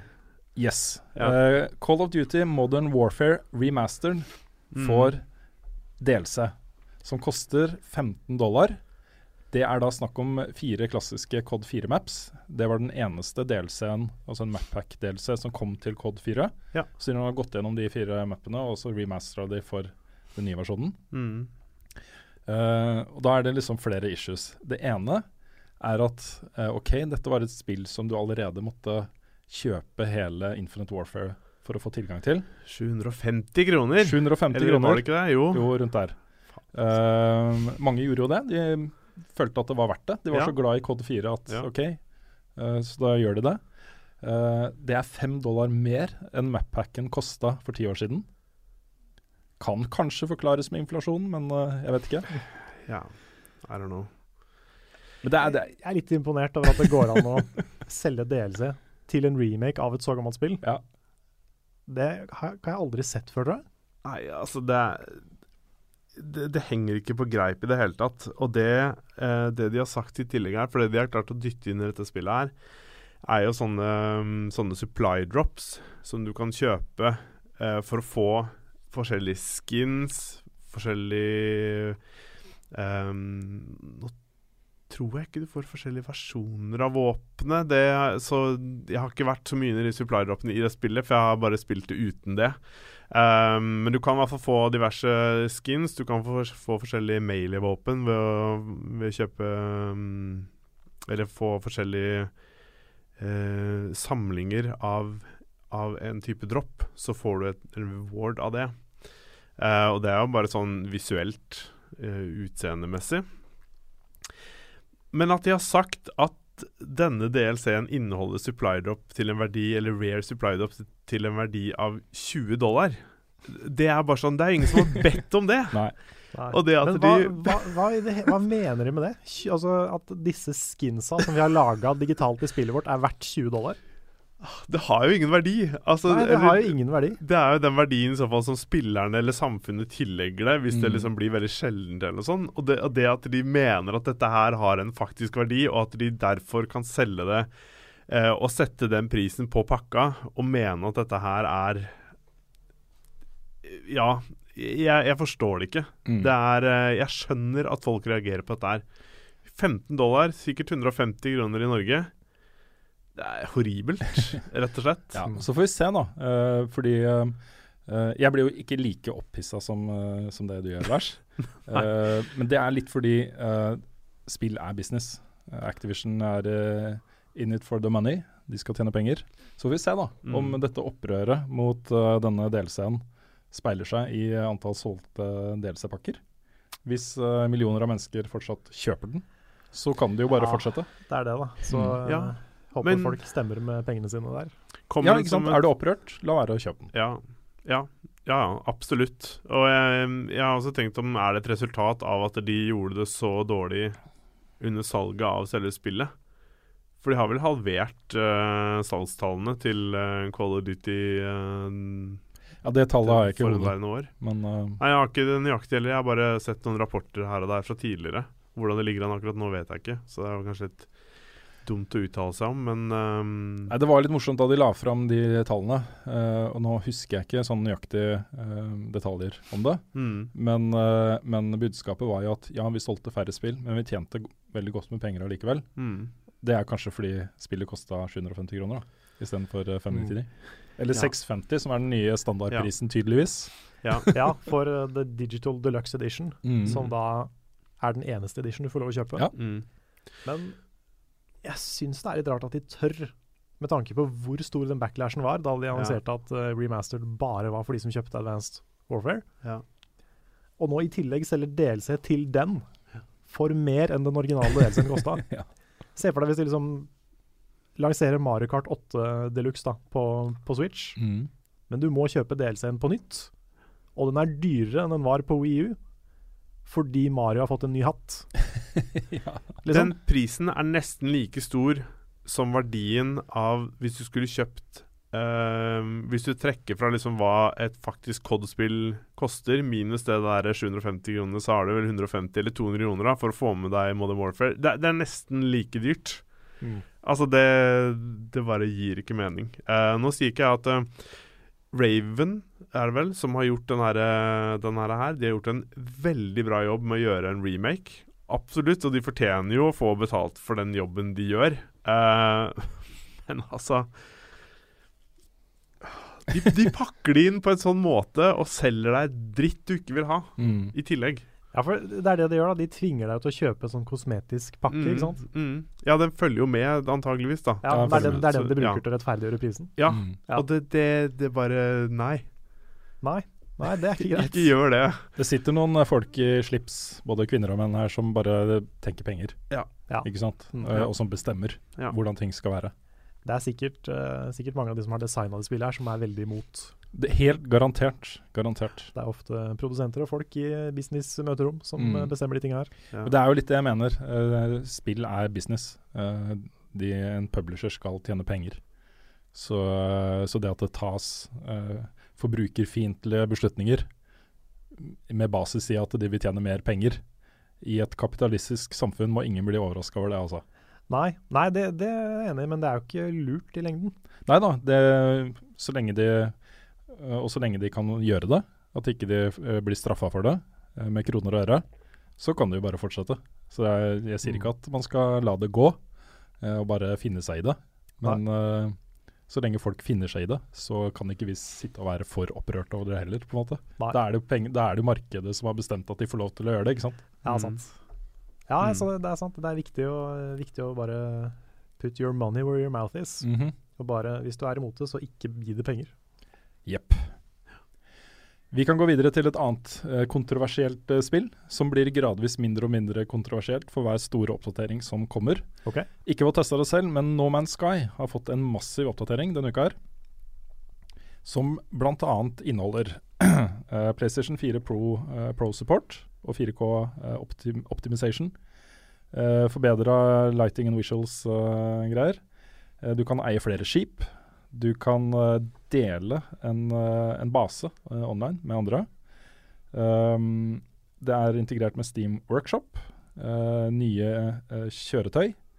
Uh, inkluderer sånne exocrafts, sånne som du kan kjøre på bakken med. Okay. Ok. Det er innført uh, permadeath mode. Um, du kan bygge og dele uh, racetracks for vehicles. Um, du kan uh, ship specialization and classes. Uh, masse på shops og currency og sånne ting. Uh, doblet uh, variasjonen i basebuilding, så det er dobbelt så mange muligheter til å bygge de unike baser. Uh, photomode, nye våpen, nye våpenmodus. Um, ja. 50% mer original musikk. Ok. Det er masse, da. Eh, og da hvis du legger til eh, den forrige store utvidelsen, som ga deg mulighet til å eh, både bygge egne baser, uh, få store uh, sånne uh, freighters, som du kunne ha skip, masse skip i og sånne ting, Mm. og flere forskjellige måter å spille på, inkludert survival mode og litt sånne ting, så begynner liksom No Man's Sky å bli et, en ganske saftig pakke. Så hvis du, har, hvis du var innom i starten, eh, ble dritsur, sendte en, eh, en kjip melding til Sean Murray på Twitter og ga deg, så kan det hende at det er noe her for deg nå, kanskje. Ja, det mest spennende er kanskje Steam Workshop. Mm, der kan det skje masse gøy. Ja, for det er eh, det at folk kan modde spillet, Mm. Det gjør at folk kan faktisk legge inn litt mer spill der. Kjipt for PlayStation-spillet, da. Det er litt kjipt. Det er sant. det er jo eh, definitivt PC-versjonen den du burde ha. Absolutt. Eh, og i uh, ja, torsdag, uh, i går, i dag for oss, kommer den nyeste oppdateringen til PlayStation 4-systemet. Stemmer. Som bl.a. gir deg muligheten til å lagre spill på ekstern harddisk med, via USB 3.0. Du har en egen boost mode for eh, PS4 Pro-spillere. Den burde du skru på på Bloodborne, Ja, eh, med en gang den er installert, så skal jeg gjøre det. Ja, for den, eh, den skal visstnok fikse en del av de frame-dropsa som oh, ja, okay. ok. ja, kult. Hold i med sånn. Stilig. Um, du kan lage dine egne bakgrunnsbilder på, eh, på systemet. Uh, og en nyhet som jeg syns var innmari kul, var at du kan lage uh, giffer. Jeg mener selvfølgelig giffer. Jiffer. Ja. Giffer av uh, gameplay-video som du tar opp, og dele det rett ut på Facebook og Twitter og YouTube og Ah, Nei, ok. Kanskje ikke YouTube, men Facebook og Twitter og sånt. Ja. Det er kult. Det er noen meme-update. Mm. Eh, nå, kan du- nå kan du lage din egen meme. Ja, Det er flere nyheter her også, men det var kanskje det viktigste. Jeg har sikkert glemt noe. Siste nyhetssak, nært mitt hjerte. Um, Destiny får sin siste store oppdatering den 28. mars. Det er den siste. Det skal ikke komme mer i det hele tatt. Ikke noe eh, light level increase eller uh, noen nye uh, svære greier i det hele tatt. Nei. Eh, Hvis det kommer noe nytt eh, før Destiny 2 nå, så blir det veldig mikrogreier. Men, men den oppdateringa den inneholder en diger eh, bok som, eh, eh, som fyller opp, fylles opp etter hvert som du presterer ting. Det er alt fra liksom raid-spesifikke ting. En av de var at du skal drepe alle Gorgons i Gorgons Maze i Volt of Glass. På én, liksom. Ja, på én gjennomspilling, ja. Wow. Eh, tydeligvis så er måten å gjøre det på er at uh, man eh, De seks Det er ni av dem, da. Nei, åtte. Åtte eller ni, husker ikke helt. Er at seks stykker på laget tar hver sin samtidig. Før de får den buffen. Oh, ja. Og så går man sammen om, de ta, om å ta de to siste. Ha. Mm. Så uansett, da. Masse greier. Men det er også masse klassespesifikke ting, crucible-ting osv. Nå er liksom tanken at dette skal spillerne liksom gi spillerne en, en sånn sense of completion. Ja. En sånn tilfredsstillende avslutning på et tre år langt eventyr. Mm. Uh, og for, uh, for det så får de emblems og litt sånne ting, liksom. Uh, Ja. Som de kanskje kan ta med seg videre til Destiny 2. ja, for det skal jeg spørre om Er det noe du kan ta med deg videre av dette her? Eller er det bare en sånn hurra? Jeg, vil- jeg vil anta det. De har Ja. sagt at eh, selv om de wiper eh, karakteren din, og alle starter på nytt i Destiny 2, eh, så er det enkelte ting du kan eh, ta med deg videre. F.eks. hvis du har gjennomført eh, det siste oppdraget i Vanilla Destiny, den eh, hvor du er på eh, Mars inne i Black Garden og skal drepe de tre gudene, til statene, ja. Mm. så kan du beholde utseendet på karakteren din i Destiny 2. Eh, Altså, okay. Hvem er det som egentlig vil det, lurer jeg på. Men Ja, i hvert fall hvis det er en bedre character creator. i- ikke sant? Mm. Ja. Um, det var den ene tingen. Andre tingen er jo at alt eh, det gamle, store, fete innholdet i Destiny blir tatt opp til 390 Light. Mm. Uh, Volt of Glass, uh, Crota Raida, uh, Kingsfall. Um, alle de blir relevante igjen med alle de gamle våpnene. Fatebringer, Vision of Confluence, uh, Fang of Virut, uh, Black Hammer. Alle de våpnene som man har blitt glad i opp gjennom årene, kommer tilbake. Mm. Uh, inkludert Elemental Primaries. Jeg lurer på om det er bare Exotics. Vex Myth Mythoclast er bekrefta med Solar Oi. i uh, 400 Light. Så det er masse sånne ting de har, da. Uh, med egne challenge modes. Så det blir nok kos å vende tilbake. Men Ja, ja. må innrømme at for min egen del, når jeg ser på den, den boka, liksom, jeg har ikke studert den nøye, så er jeg veldig usikker på om jeg skal gidde å grinde. Jeg ser hvor mye som blir autofylt ut når jeg får den. Hvis det er bare noen småting som gjenstår, så kommer jeg nok til å gjøre det. Men uh, Mm. Ja. Ja, det er, jo, det er jo smart av de å gjøre det, da. Fordi eh, hvis noen går tilbake til Destiny 1 i framtida, uh, så er det veldig greit at de har tre endgame raids. mm, Eller fire, blir det vel da. ja, fire. Og ikke bare ett som er relevant, på en måte. Mm, Så at du nå kan gjøre alle sammen. uh, få relevant gear for det. mm. Det gjør jo spillet mye større. Mm. Ja, er, jeg lurer fælt på hva de skal gjøre med Destiny 1 etter at Destiny 2 kommer ut. Om det fortsatt blir liksom Blir det solgt? Blir det gitt ut en sånn Collectors Edition av det? Det blir sikkert bare liggende sånn som det er nå, tror du ikke det? Kanskje? De fjerner vel ikke serverne med det første? regner jeg med? Ja, du skal ikke se bort fra det, altså. Nei, tror du det? Jeg vet ikke. Nei, det er jo mange Det er veldig gamle med mor som fortsatt eh, lever. Ja. Det syns jeg er rart, hvis de bare slår det av. For Ja, da, da for- kan for du ikke spille det lenger. ja, vi får se. Kanskje. Ja. Ja, Det det, er, eh, da hadde jeg blitt overraska, Ja. hvis de hadde gjort det. Jeg, jeg, jeg gjør nok ikke det uansett med en gang, men jeg, jeg tipper at de ikke kommer til å fortsette å støtte det over veldig lang tid. Det som kommer til å skje, er at noen finner en eller annen drittexploit, og så må de jo bruke masse tid på å fikse den, Ja. samtidig som de må sitte og oppdatere det nye spillet sitt. Ja, jeg vet ikke om de kommer til å supporte det så lenge, men at de i hvert fall har serverne på, da, Mm. så at det er mulig å spille det. Ja. Det er det viktigste. Mm. Kanskje. Nå gjør det jo masse arbeid med Det spilles inn litt ny dialog, og det lages uh, nye mekanikker. Særlig Crota Raider skal bli veldig oppdatert med nye mekanikker. Uh, og disse challengene og sånne ting. Så akkurat den pakka liksom som kommer nå, den 28., uh, med innhold fra hele alle de tre årene Destiny har eksistert, Mm. Eh, vil jo bli en ganske solid pakke. Og jeg tenker at det er jo mulig å kapitalisere på det også i fremtiden, som en greie, liksom. Eh, Mm. Både for folk som blir glad i Destiny 2, og som kunne tenke seg å kanskje sjekke hva Destiny 1 var for noe, Mm. Uh, og de som fortsatt er liksom glad i, i spillet. Da. Mm. Jeg skal definitivt bare videre. Legge alt bak meg. Ja. Jeg har allerede begynt å slette masse gear og ting som jeg har brukt masse tid på å samle opp og sånt, rett og slett fordi det er, det er jo ikke relevant. Jeg får ikke ta det med meg videre. Det er bare å få det bort. Mm. Og så eh, By the way, you can transfer your gear to uh, Disney. Ja, det, det, er, ikke- det er ikke så farlig for meg. Det, men jeg har jo et annet stort problem, og det er at jeg har sletta uh, Titan min og Warlocken min for å spille Permadeath Challenge, som går ganske bra. Um, det kan se ut som om alle de klassespesifikke greiene i den boka um, ikke gjelder for sletta karakterer. At jeg må levele opp de på Ja, nytt. den er sur. Ja, den er dritsur. Så blant annet da, så er det jo tre subklasser på disse klassene. Eh, og det er en greie i boka hvor du må unlocke alle tre. Og Det betyr uh, Det er sånne egne questlines da, som du må fullføre. Det er ikke sånn supervanskelig, men det handler om å lage liksom sju orbs og light tre ganger i et strike. og det er litt sånne ting liksom. Så du må jo faktisk da levele disse subklassene litt for å få det til. Ja, ja. Så, ja.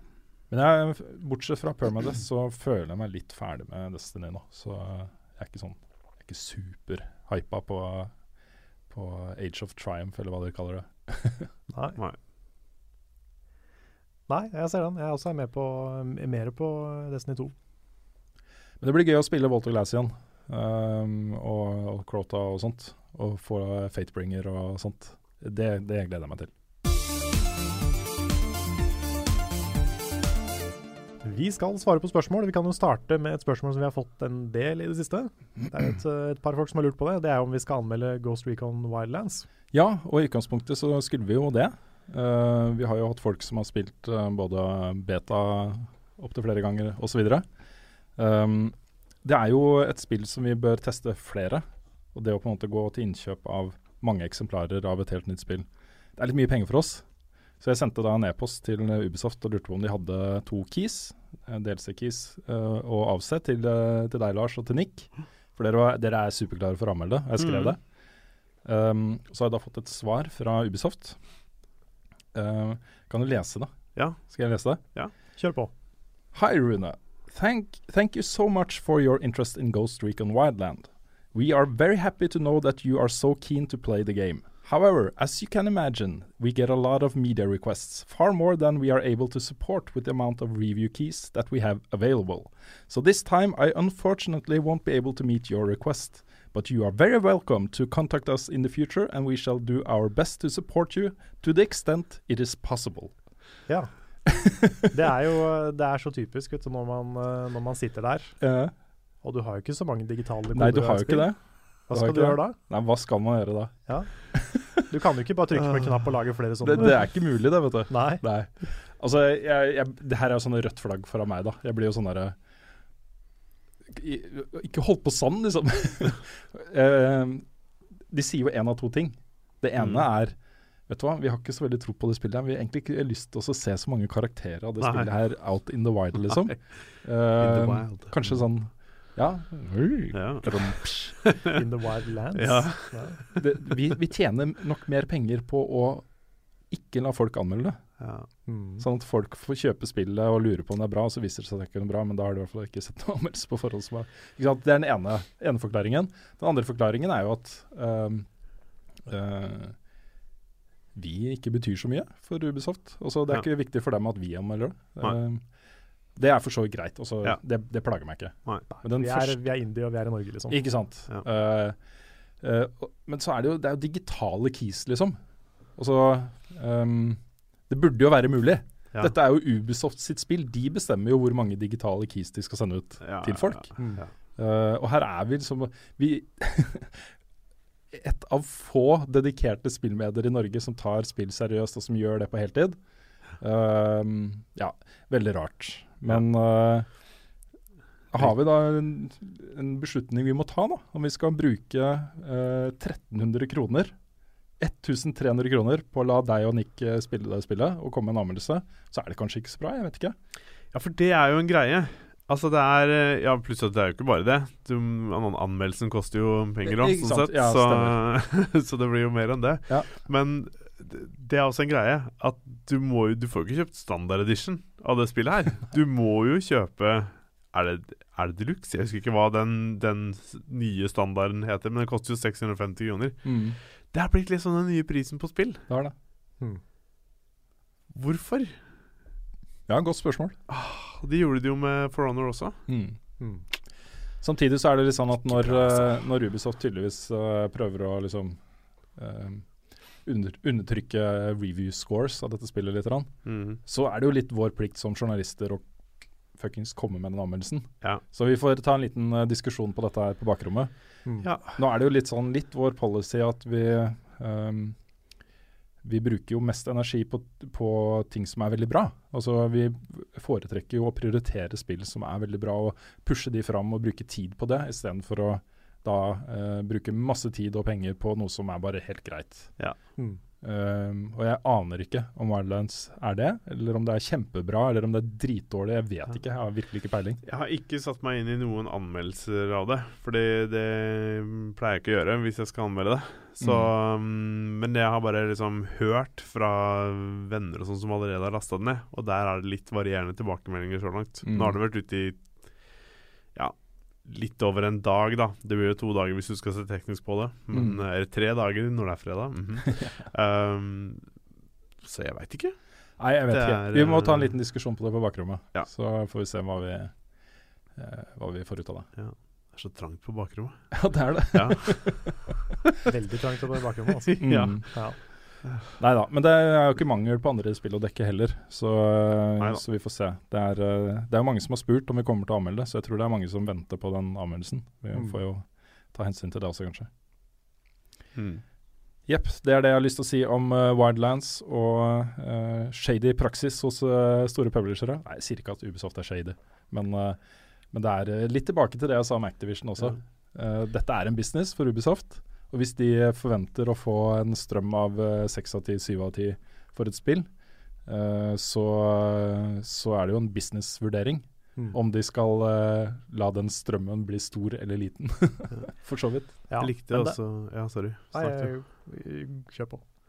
Er du sikker? Ja. Er du sikker? Jeg er helt, helt sikker. Jeg likte også hvordan han sa på en måte at uh, ja, du er velkommen til å ta kontakt igjen, så kan jeg avslå deg en gang til. Ja, det var det jeg? Ja, leste ja, i ja. det. Eller hørte Nei, jeg kommer ikke til å ta kontakt med Ubisoft igjen. Nei, det er sånn Skal, se, altså, skal de være tilbakeholdne med ting de frykter dårlig mottakelse for, da, og så være veldig på med ting de vet er bra, liksom? mm. Det Sånn kan du ikke holde på heller. Nei, nei, skape sånt falskt inntrykk av at Ubisoft lager bare bra ting. Men eh, det er jo en, eh, en kjent ting. Det er ting som skjer. Eh, jeg vet ikke hvor ofte, men det skjer at spillkritikere som er kanskje gjennomsnittlig mer kritiske enn andre, blir, om ikke svartelista, så i hvert fall veldig nedprioritert av publishere. Og det, det tror jeg er ganske vanlig. Jeg har hørt flere spilljournalister si det, at liksom, nei, jeg var litt kritisk til det forrige spillet de ga ut, så nå fikk ikke jeg Key, selv om jeg ser at veldig mange andre har fått. Mm. Nå skal det også sies at uh, Det her blir jo ganske internt, da. Men uh, uh, vi hadde jo en Ubisoft var inne i en litt sånn svak periode for et par år siden. Med UD Unity og Ja, ikke sant? Hvor det kom en del spill på rad som ikke var helt ferdige, og som kanskje ikke var så bra som de burde ha vært, og sånne ting. Og da kom det jo en del sånn average scores fra oss i VG. Ja. Det kan hende at det har sammenheng med det, altså. At vi rett og slett har vært ganske kritiske til Ubisoft-spill over en periode, og så har Mm. de tatt utgangspunkt i det. Mm. Det skjedde kanskje noe etter Assassin's Creed 3. Jeg lurer på det, for uh, den var jo Ga jeg den en treer? Jeg tror jeg ga den en treer. Jeg tror det var firer. Ja, kanskje det var en firer. Ja, det var en firer, stemmer. Jeg var eh, ja, det stemmer det. Og det er jo til og med det er jo en bra karakter. Ja da, Uh, det var elementer i det som jeg følte jeg gjorde at det så vidt gjorde seg fortjent en firer. Men det var andre ting der som definitivt ikke gjorde det. Så ja. Ja, det samme, samme følelsen om Unity. Jepp. Greit, skal vi gå litt videre? Ja, Eh, det kan vi gjøre. Slutte med denne interne journalistrunkinga og svare på litt andre spørsmål. Ja, hadde du et, eller skal jeg ta et? ja, du kan ta et. Jeg kan ta et. Det er fra Hilde Granmo. Jeg syns det var et eh, kult spørsmål. Eh, tror dere noen gang at motesmaken til oss spillentusiaster vil bevege seg fra svarte T-skjorter med motiv av helten vår på, til en litt nedtonet versjon av hva helten faktisk har på seg? Skulle gjerne stjålet håret og noen av klærne til Aloy. Understreker noen, den robothjelmen er ikke veldig flott. Men det ender, det ender vel med at jeg har henne på T-skjorta isteden. Mm.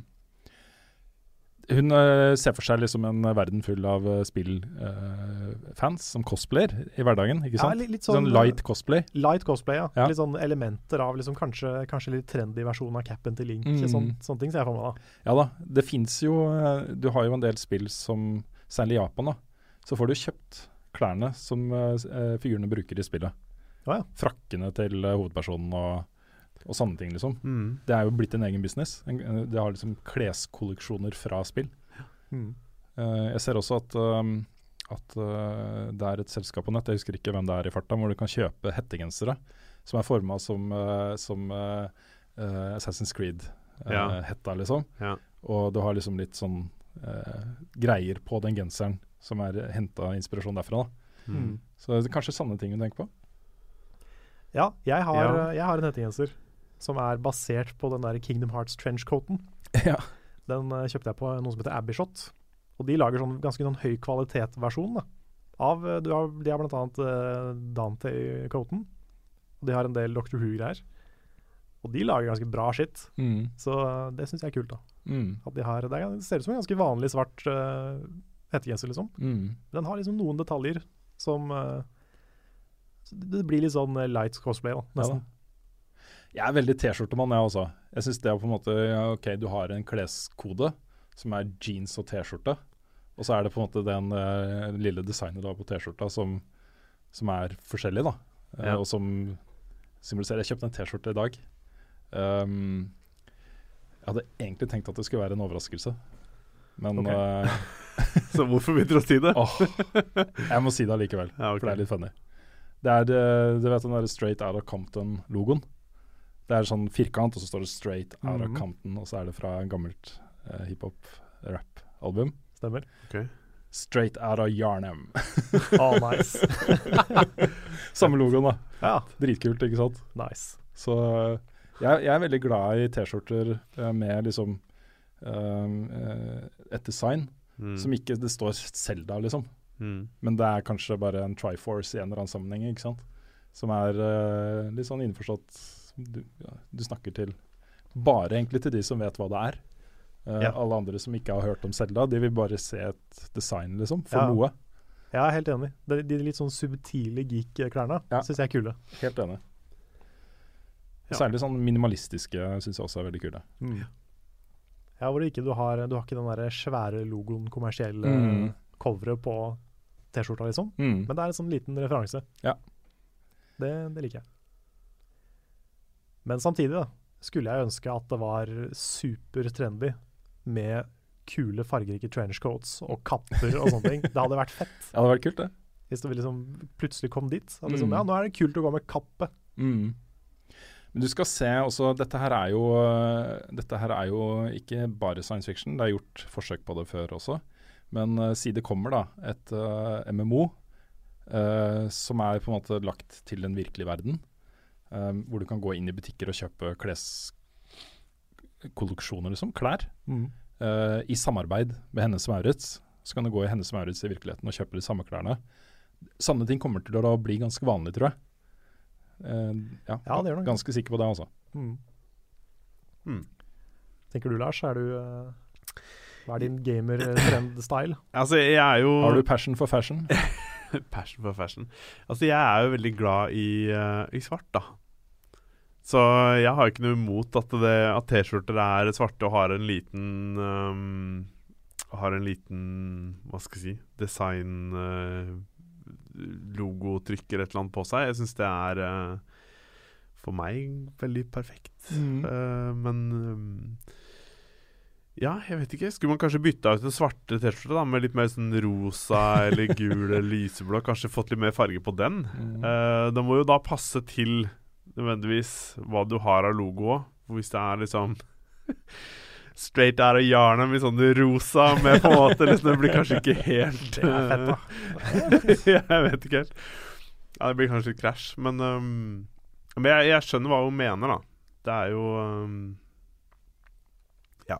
Det er kanskje ikke så, så fargerikt, men jeg mener jo at den hvis du har den lille statementen eller lille tingen som blir enten intern eller betyr noe for deg, så er det, er det jo det du vil ha frem. Ja. Mm. er Greit. Men uh, hvis hun har lyst til å ta det et skritt videre, Ja. eh, be my guest. Det er Ja. bare kult. Ja. Jeg syns folk som tør å kle seg veldig annerledes, kanskje til og med cosplay ute på, på gata, jeg syns det er kult, jeg. Ja, enig. Jeg, jeg, liksom, jeg beundrer den der gutsen de har. Mm. Ja. Individualisme. Ja, jeg synes det, er, det er litt kult når folk tør å skille seg ut og, og sånn. Mm. Ja, ja. Så hvis, du, hvis jeg All ser deg på gata i fullt cosplay, så får du en high five av meg, altså. Fett. Jeg må, må si det. Men sånn som den fokusen til Aloy, f.eks., i Horizon, det kunne jo blitt en sånn fashion accessory som eh, For det, ser jo ut som en slags øredobb. Ja. Ja. Bortsett fra at den er over øret, da, ikke under. Liksom. Ja, Han sitter vel på tinningen, gjør han ikke det? Eller Ja, han sitter rett over øret. øret. Ja. Ja. Det kunne være en, en, eh, en sånn nål som du stikker inn i håret. Eller? ja, absolutt. Ja. Det blir lett for uh, deg og meg å feste den på, over øret, kjenner jeg. Ja, men særlig med den der eh, versjonen som han andre har, men som er sånn rund, eh, lysende sirkel rundt hele øret hans. Ja, ja, ja. ja. Men er ikke Aloy sin også det? Ja, når den aktiveres, så er den det. Ja. En ting som er veldig morsomt i Souls-spilla, er at alle spillene har sin egen sånn herre eh, fashion eh, et- Sitt eget fashion-begrep. Mm. De som liksom driter i armor perks og sånn, men bare vil ha på seg det kule. Ja. Uh, I Souls så er det Fashion Souls. I Bloodborne så er det Fashionborn. Og i, og i Nio så er det Glamurai. Kult. altså, er, folk er veldig oppfinnsomme på det. Fett.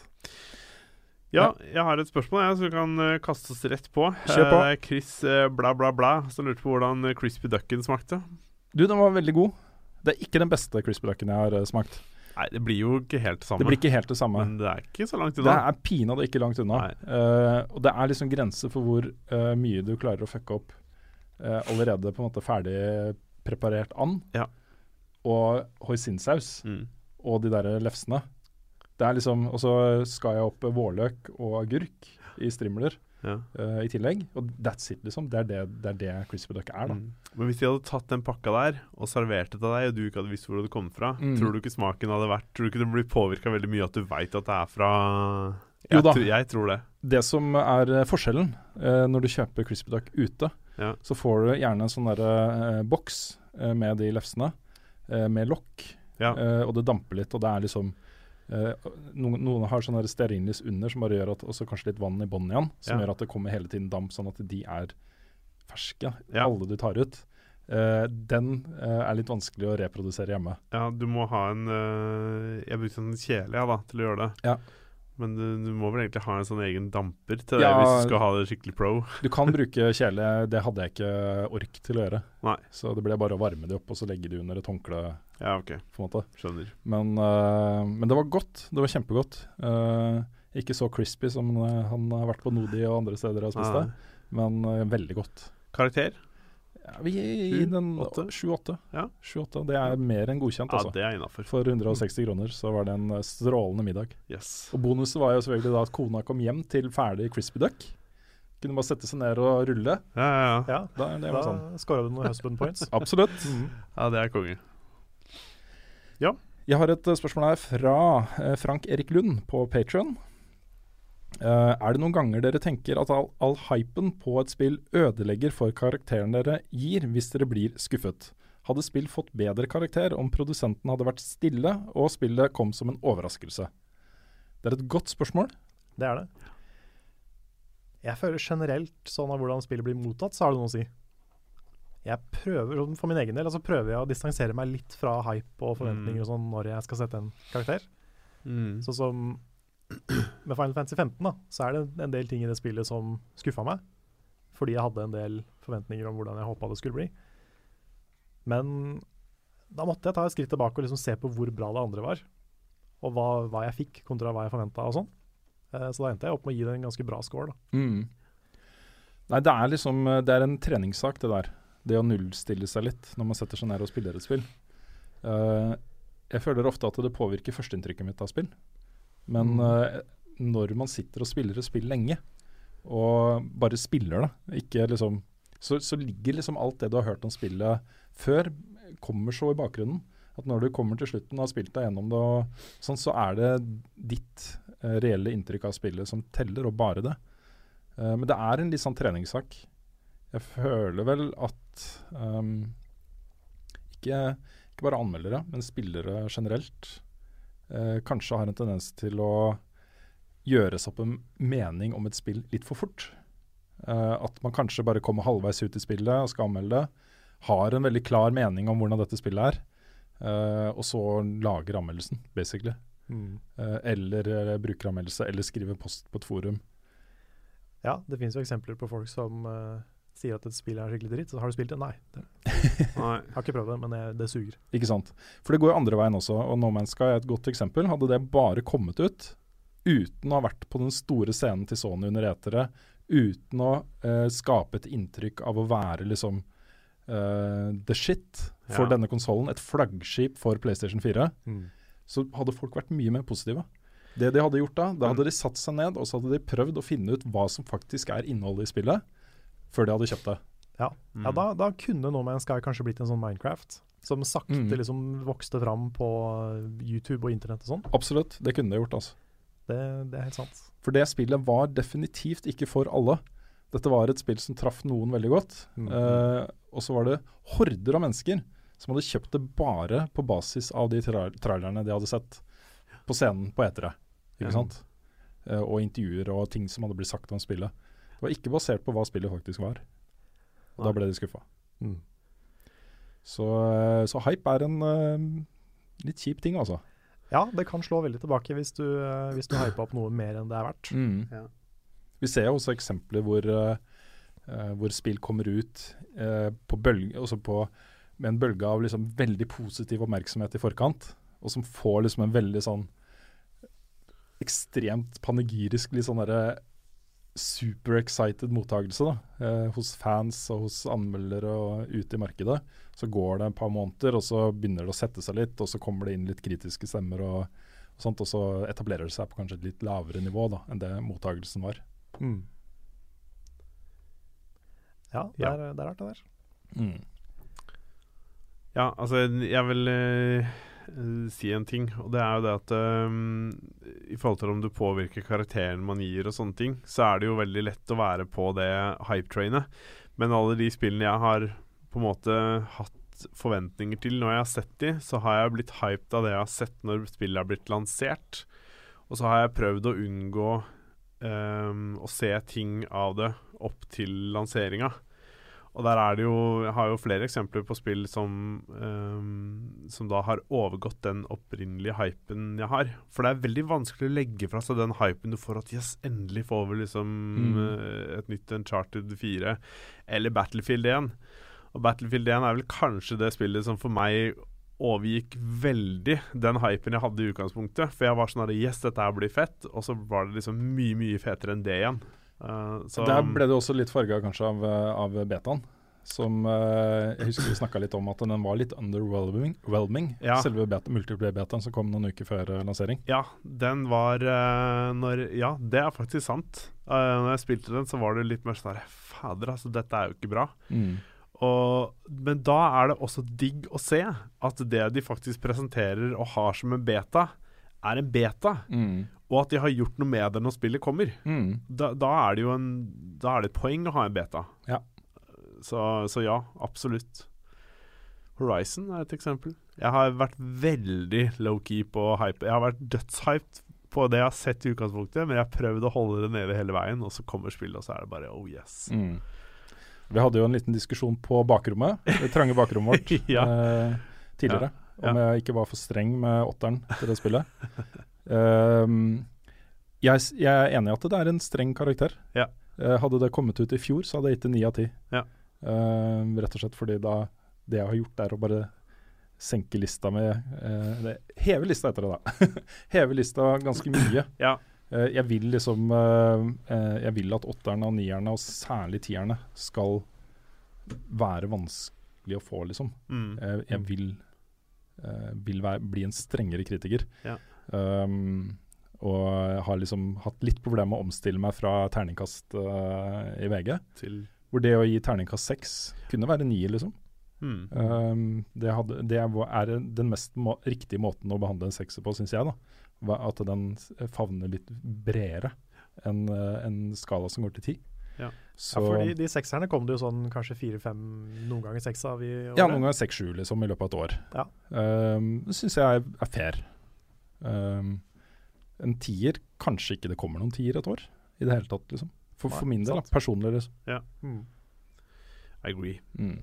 Og så tror jeg, eh, akkurat når det gjelder Horizon, så har vi bare sett begynnelsen på hva det, eh, den serien vil bli. Det, det kommer til å komme Horizon 2 og kanskje noe DLC som blir dritfett og Ja. sånne ting.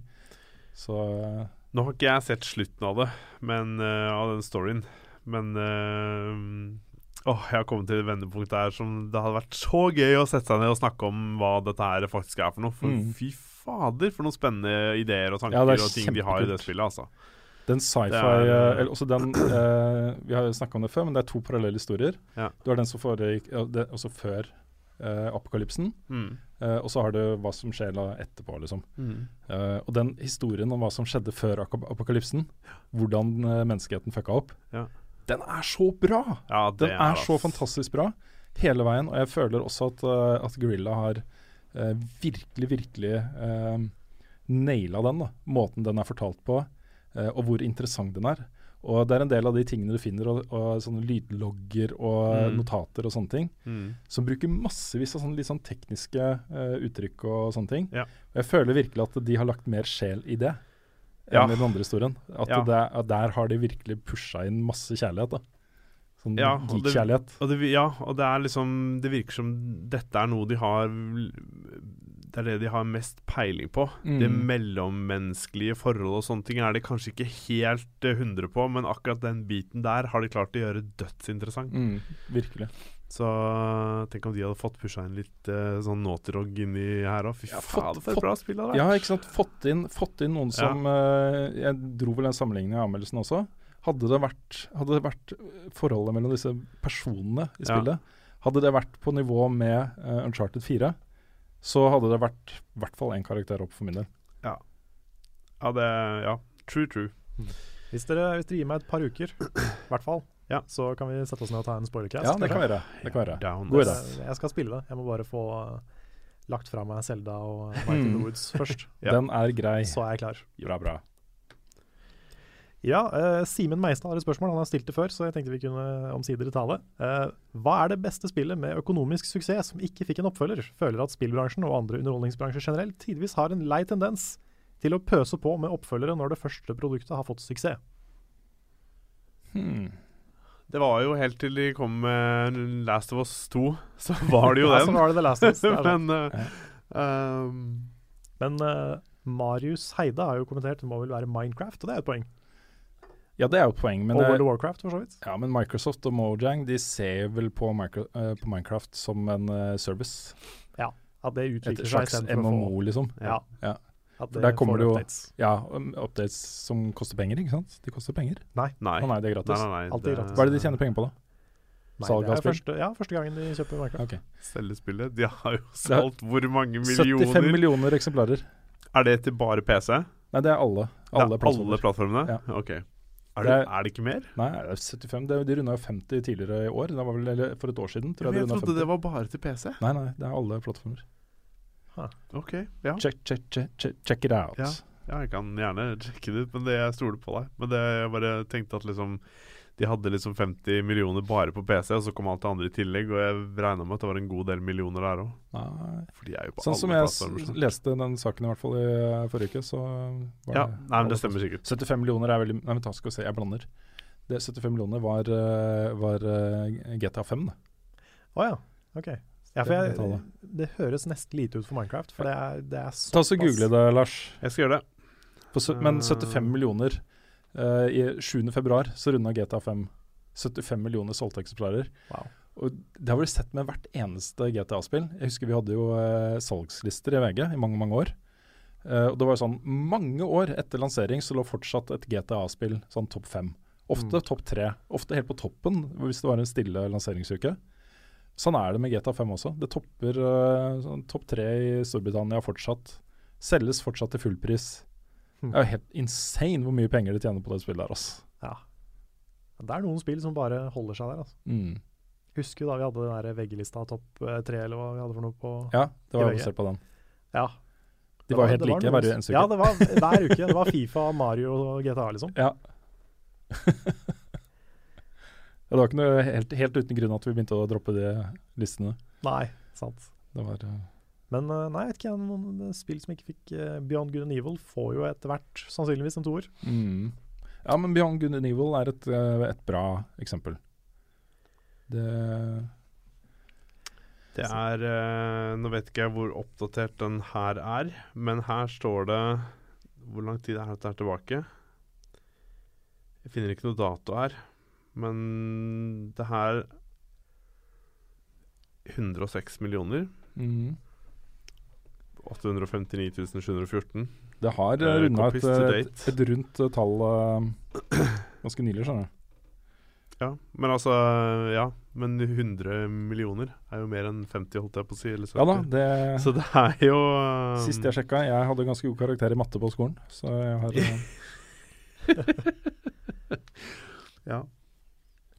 Altså Visstnok i løpet av de siste 24 timer så er det solgt nesten 5000 kopier av Minecraft. OK.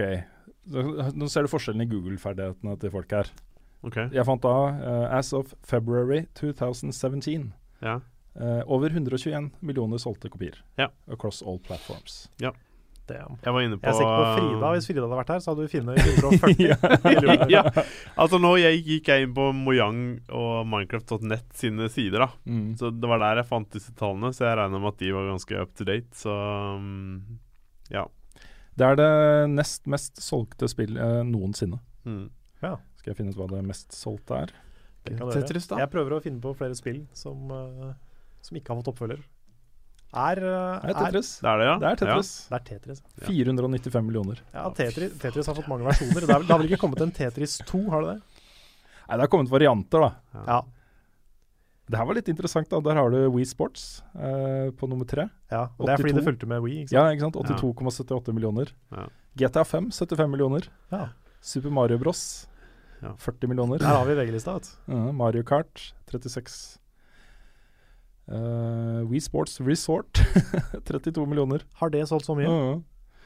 Skyrim har solgt eh, 30 millioner. Ja. Diablo 3 har solgt 30 millioner.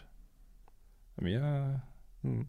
Men kan man, kan man si at uh, Shadow of the Colossus ikke fikk en oppfølger? Eller er liksom Eller er Last Guardian en oppfølger til Shadow of the Colossus?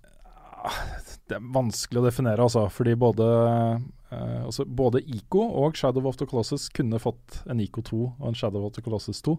Eh, bare tatt samme konsept og videreført det.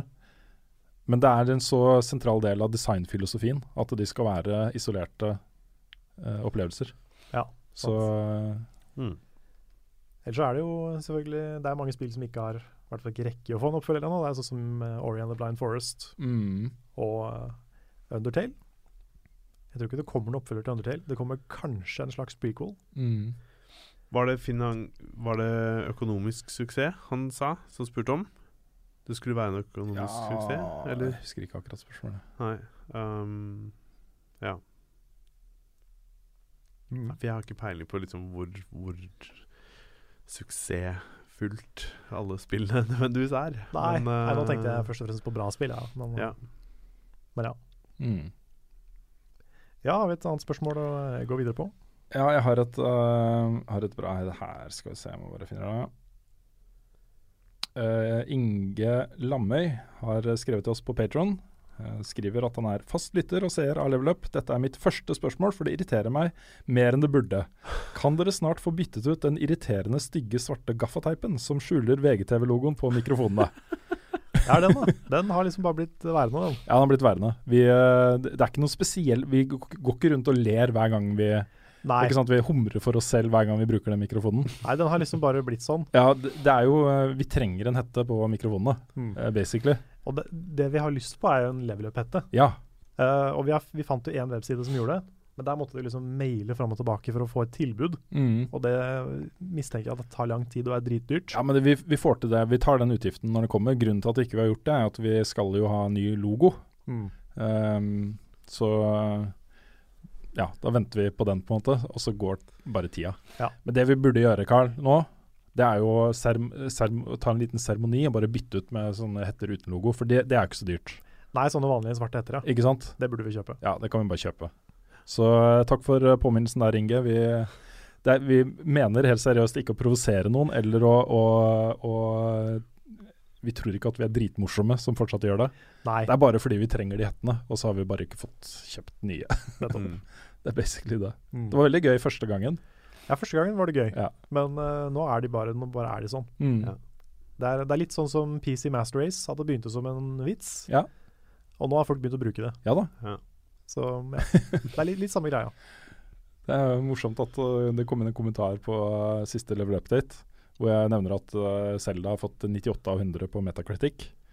Uh, bare sånn ah, Det er jo ingenting. Uh, Portal 2 har jo fått uh, samme summen basert på 5000 brukeranmeldelser på Steam, liksom. Mm. Det er jo mye bedre, selvfølgelig. Ja. Ja. Ja, ok. Ja. Prøvde å liksom disse. Ditt, ditt bra spill, fordi jeg har et bra spill. Ja. Det er to bra spill, tenk. Uh, Ja. Nei, jeg ser ikke helt den. Nei. Det var ikke, ikke meningen å høres slem ut, men jeg ser virkelig ikke helt den. Nei.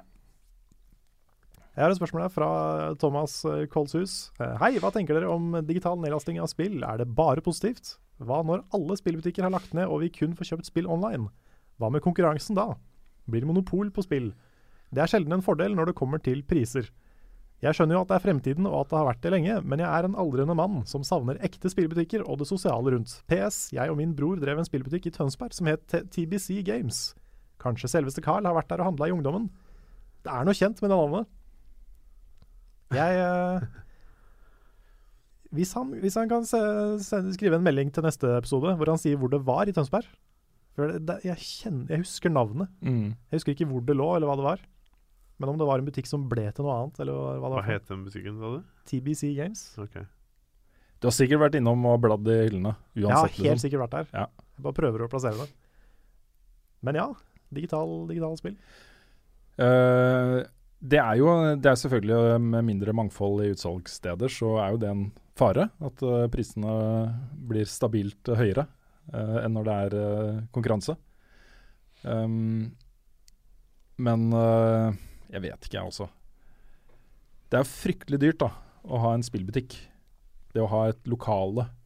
Det er fryktelig dyrt å trykke opp alle disse coverene og diskene og heftene som følger med. Det er jo masse, masse penger. Så håpet mitt da, det er jo at uh, når det er borte, så er det mulig å selge spill til en litt lavere pris. Nå ser vi at utviklingen går den andre veien. Men uh, det har jo samtidig også etablert seg på disse digitale plattformene en sånn tier 2. Uh, et prisnivå som ligger et, på et annet sted. Mm. Ca. 200 kroner. Mm. For ofte dødsbra spill fra mindre publishere og utviklere. Ikke sant? Og Mm. de spillene blir bedre og bedre. Um, er mer og mer et reelt alternativ til svære Triple A blockbuster-spill. Ikke alltid, Mm. selvfølgelig. Um, og det Ja. Ja. Det tror jeg vil, det tror jeg vil eh, presse uh, prisen for Triple A også ned. At du har et uh, godt alternativ til en lavere pris på de Mm. digitale plattformene. Mm. Ja, så kan det hende det oppstår litt mer konkurranse digitalt også etter hvert. Mm. At eh, sånn som GOG, Guerrilla Games, uh, konkurrerer med Steam. Mm. At flere sånne popper opp. da. Det vil jeg også tro. Litt DRM-frie tilbud, liksom. Ja, jeg tenker nok mest på, på konsollplattformene, hvor du har PSN og Xbox Uh, Mm. og Nintendo har jo sine egne butikker. Fordi utviklinga der vet ikke helt om jeg liker noe, altså. Nei. Det er vel frem, først og fremst Ubisoft som står bak de. Det her med at Ja, de, de selger ikke standard edition, men de går rett på Deluxe. Ja, det var samme med Forerunner. Ja. Ja, nettopp. Og det mm, Ja, fordi digitalversjonene er jo ofte dyrere enn det du får kjøpt i butikk. Ja da, de er faktisk det nå. Og, det, og hvis det er butikk eh, de, de produserte versjonene som du får fysisk i hånda, som gjør at den digitale er dyrere, Mm. så kan de fint slutte med det. Sånn at de får den digitale prisen ned. Mm. Jeg syns det er kjempefint å ha digitale versjoner, Uh, fordi jeg har ikke behov for den samlegreia. Men jeg skjønner også de som har lyst til å ha en samlehylle. Mm. Det med å gå og plukke ut spillet de skal ha og liksom Ja. Ja da. Men jeg føler at det blir færre av de, da. Jeg, jeg, vet, jeg vet ikke, mulig jeg tar feil, men uh, i hvert fall når jeg bare ser rundt på venner og sånn, sånn rundt meg, så er det, det er veldig få av de som samler på fysiske, fysiske kopier. Det kan godt tenkes at det, vi ser den samme utviklinga som vi gjorde med LP-plater, Ja. hvor eh, det bare forsvant en stund. Ble en veldig sånn nisjeting. Noen få som gikk og gravde fram eh, LP-ting og sånt. Det ble trykt opp kanskje 1000 eksemplarer av nye eh, album på LP i Collectors Edition. Måtte liksom virkelig oppsøke det for å få Mm. tak i det. Nå har det jo utvikla seg en kultur rundt LP som er, som er ganske, ehm, ganske vital og ganske stor. Og folk går litt tilbake til den følelsen av å ha et, en stor LP-plate i hylla liksom du tar ut og setter på den greia, og det spraker litt. Og, og så hele den pakka rundt det. da. Mm. Uh, det kan godt tenkes at vi ser noe av det samme. Det var interessant å se f.eks. Alboy lage en uh, egen edition av Nei, Alboy sier Dpad lage en egen edition av Alboy. Med cover og hefte inni og disk og Jeg vet ikke om det var disk, forresten. Jeg lurer på om det var en kode. En Ja, nedlastingskode. Men uh, det var en fysisk versjon, da. Det var sikkert en disk også. Men uh, det å tilrettelegge for samlere på den måten, Mm. uh, hvor du får liksom I Oslo så er det en platebutikk som heter Big Dipper, som i alle år har vært samlestedet for LP-entusiaster, ikke sant. Så kanskje det er rom for mer sånn kulturbutikker, for samlere. Mm. Ja, jeg håper det, at det kommer mer. Mm. Sånn, kanskje noen retro, retrosjapper. Litt sånn comic book shops, Ja. på en måte, for spill. Mm. Og du så jo mange av de spillbutikkene i Oslo begynte med det. Ja. Bare, men så ble de jo lagt ned, Mm. alle sammen. Men sånn som Game, før det forsvant, hadde jo en ganske voksende sånn Ja, retroavdeling. det er sant, det.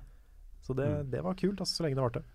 Mm. Og så er det også en annen strømning i akkurat dette når det gjelder pris og spill. Og det er jo at eh, prisene på spill går jo mye raskere ned nå enn de gjorde før. Um, Det kommer liksom lyntilbud. Uh, denne helgen her er det halv pris. Uh, det er masse sånne ting. da Pluss da uh, flere ganger i året så er det salgsperioder på de forskjellige digitale, digitale plattformene. Så hvis man bare klarer å la være å kjøpe et spill til lansering, så kan man få kjøpt det for en ganske hyggelig pris i dag, Mm.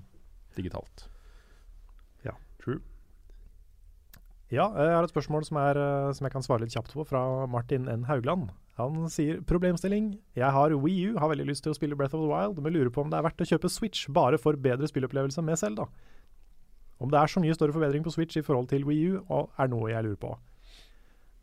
Eh, Jeg har ikke testa Wii U-versjonen sjøl, men jeg har, så vidt jeg har skjønt, så er det bare litt lavere oppløsning.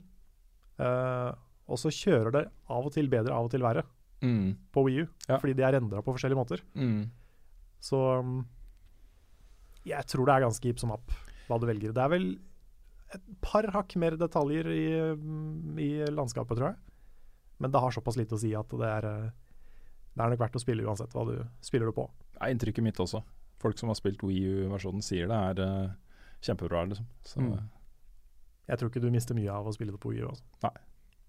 Kanskje kjøpe det på Wii U, og så når du kjøper deg en Switch om et par år, kjøpe det på nytt. Spille det en gang til.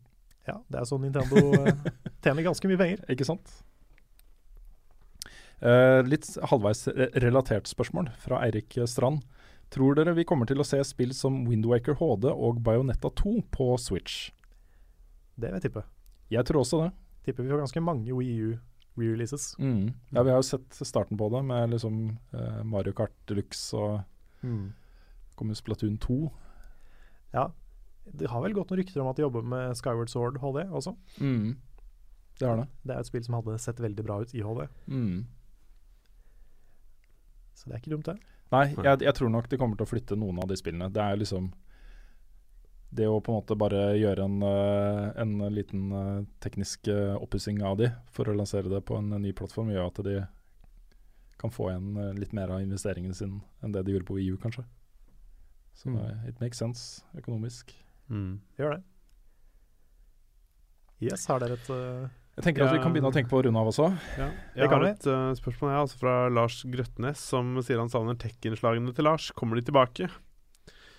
Og um, svaret på det er vel egentlig at uh, det hadde ikke vært noe stress å komme med flere av de. Men når du skal lage tech-innslag, så må du ha noe tech å lage innslag om, da. Og hvis vi skal drive og gå til innkjøp av alt mulig tech for å få testa det, så koster det penger. Ja, mye administrering og kontakt med folk og utlånseksemplarer og osv. osv. Ja, så lenge man kan få det gratis, så er det jo på en måte Ja, til testing. Ja, til Ja. testing så er det jo lettere, liksom. Mm. Men um, Kan du nevne da at uh, denne TV-serien vi uh, muligens, eller muligens ikke, uh, får etter hvert, eh, der vurderer vi jo å ha en tech-spalte med deg, Mm. Lars. mm, Så, så i en sann setting så er det lettere å få til noe sånt også. Ja, det er sant. Absolutt. Yes. uh, jeg kan ta et spørsmål til her fra, på Facebook. Mm. Uh, det er et litt sånn interessant uh, spørsmål for oss også. Eh, Mats Nyhus han spør eh, Hørte noe om at Twitch skal begynne å selge spill. Altså hvis du ser på en stream av et spill og, og du liker spillet, kan du kjøpe det direkte der og da. Streameren vil få 5% utgiver tar 70% og Twitch tar 25% av salget. Hva mener og tror dere om denne saken? F.eks. streamere som promoterer et drittspill for å få flest mulig skal kjøpe spillet, og han hun får sine 5 Dette her er jo, eh, burde jo stå i, i, i, hva heter det, i ordbok, holdt jeg på å si, eh, når man skal definere eh, problemstillinger rundt å ikke ha journalister som dekker spill. Nettopp. Her har du et eksempel på det. Mm. Det er jo en høyst reell her, her er det snakk om folk som eh, beviselig Nå, nå henger jeg ikke ut noen enkeltpersoner, eh, men som beviselig aksepterer ganske hårete NDA-er for å få tilgang til eh, spill. Eh, og så får du en, en, et økonomisk insentiv for å være veldig positiv til noe, for å selge flere spill. Mm. Ja, hvis du er positiv til spillet, så selger spillet mer, og da får du mer penger. Ikke sant? Mm. Det er utrolig hårete, altså. Det Jeg blir det. veldig provosert av det det. er noe vi aldri kunne gjort. Nei, Jeg kommer aldri til å gjøre det. Ikke vær bekymra for det. Mm. Nei, vi Folk trenger oss. Altså ikke nødvendigvis bare oss, men, Nei, altså, men, ja, men uavhengige. Ja, med etikk Mm. og moral Mm. og Mm. presse og så Ja, jeg kjenner at jeg blir litt hissig av dette her. Ja, dette er jo ikke tenker jeg da, for sånne som oss. Dette er jo et tilbud for folk som streamer for hobby, for underholdning. Ja da. Um, jeg er litt delt på om det er ille, egentlig. Ja, det er veldig ille hvis en journalist hadde gjort det. Det er bare helt uakseptabelt. Men jeg vet ikke, hvis en Minecraft-streamer spiller Minecraft, og det er en link til å kjøpe Minecraft der, er det liksom Ja, altså, jeg, tenker jo at det kommer veldig an på liksom, personen som sitter og steller, da. Eh, problemet er jo at du vet jo aldri hvor mye personen tjener på å si at dette her er bra, ikke Mm. sant? Fordi det er jo hva heter det, for noe? ubestridelig at personen vil tjene penger på å stelle mest mulig spill. Og da vil det jo være mest logisk å være mest mulig positiv også. Men det, altså, det, sitter jo hundretusenvis av mennesker over hele verden uh, med sin egen Twitch-kanal og, Mm. og 1000 followers, Mm. uh, som streamer og gjør det på heltid, på en måte. Ja. Massevis av folk som gjør det. Um, det er jo null problem for en publisher å trykke opp digitale koder. Det er jo liksom, det vet vi jo. Det er jo ikke noe problem i det hele tatt å bare dele ut digitale koder, for det, kan jo, det er jo bare tall. Det er nuller og ener. ikke sant? Det er ikke noe problem, det. Men også her får du jo da eh, Si da en streamer selger 100 eksemplarer av et spill. Mm. eh, så er jo ikke det så mye. Men hvis eh, 10 000 streamere selger 100 eksemplarer av et spill, så er det plutselig ganske mye. Ikke sant? Um, så da, da blir jo dette her en et økonomisk insentiv for publisherne også. Mm. Det å få og, og her har du jo masse eksempler på eh, streamere og youtubere som kontakter utviklere og utgivere i øst og vest for å få tilgang til gratiskode eh, som de kan spille på kanalen sin. Det er ikke snakk om en Minecraft-streamer som bare skal selge Minecraft, for det er noe annet, føler jeg. Mm. Eh, Ja, for det har jeg ikke sånn etiske problemer med, kjenner jeg. Nei, ikke på den samme måten. Nei. For det, det er entertainment, det er en kanal som handler om Minecraft. Ja, eller, eller det finnes jo mange Destiny-streamers eller Soul-streamers eller Mm. sånn, den type folk. Eh, og det tenker jeg det er greit hvis de er så spesialiserte. Ja. Men hvis de er en kanal som spiller mye forskjellig, Mm. trekker fram ting de syns er spennende, Ja. og kjører den, det begynner å bli shady. Ja, det er det det gjør. Ja, jeg er helt enig i distinksjonen her, altså. At det er forskjell på, på de to tingene. Mm. Nei, det er ikke bra i det hele tatt. Det er jo to instanser da, som på en måte vil tjene penger.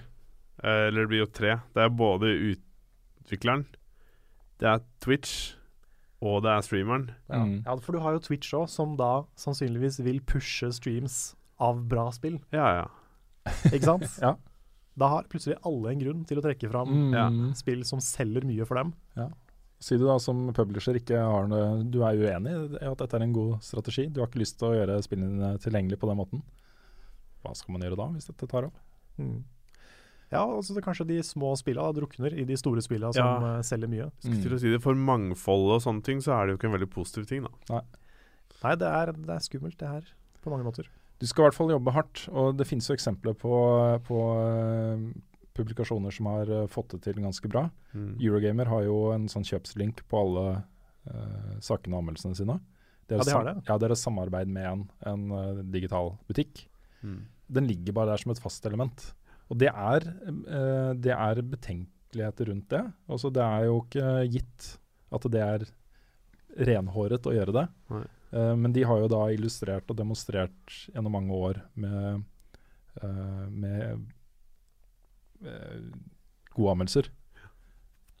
Ofte ganske kritiske anmeldelser. at de, ikke lar seg påvirke av det. Mm.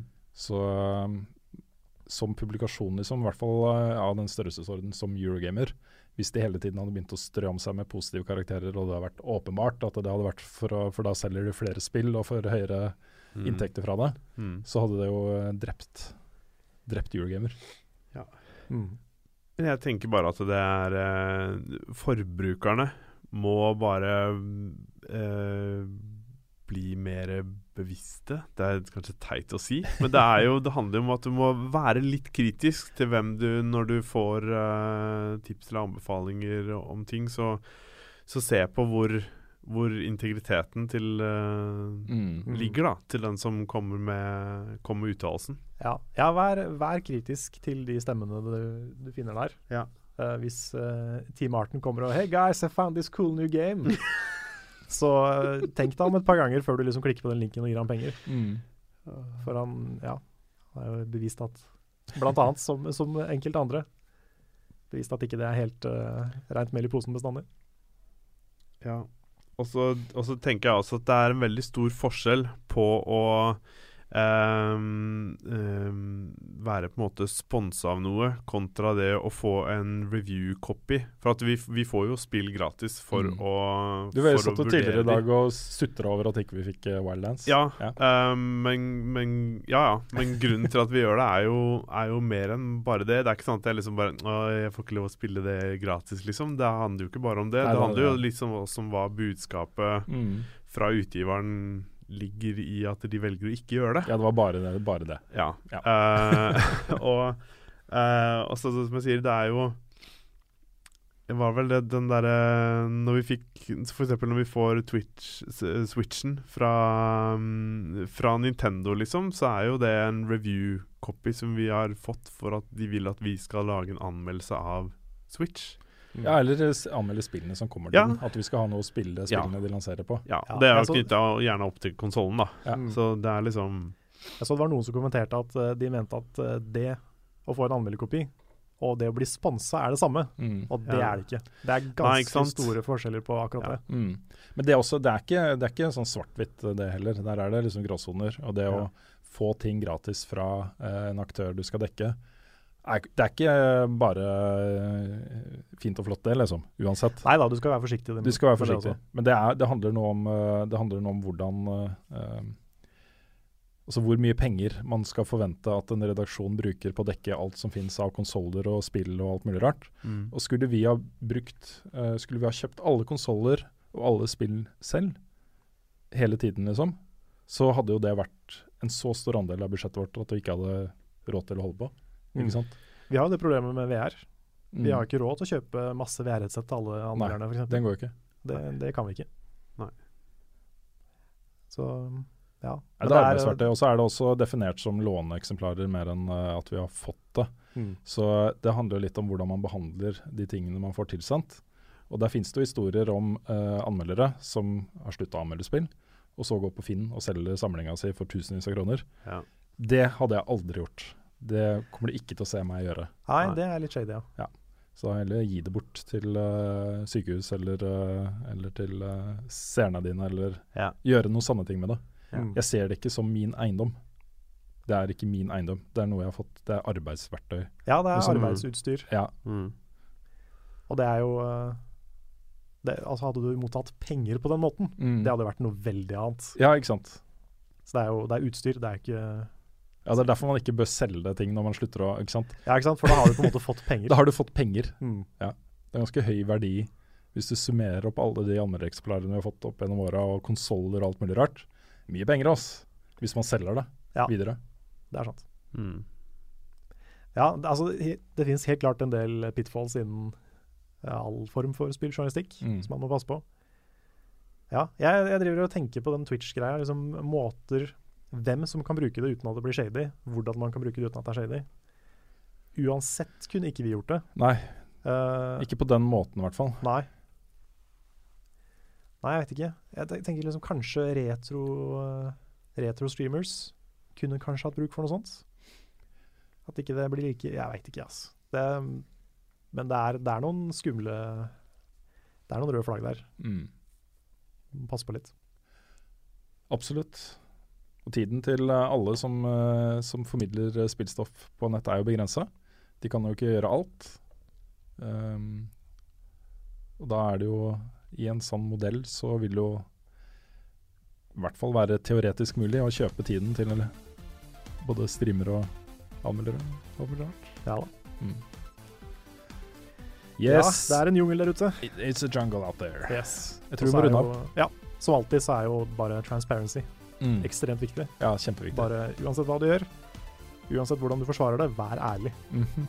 uh, da, du har gjort mye, bare du er det. Ja. Yes. Skal vi la det være siste, siste for i dag? Det må jeg gjøre.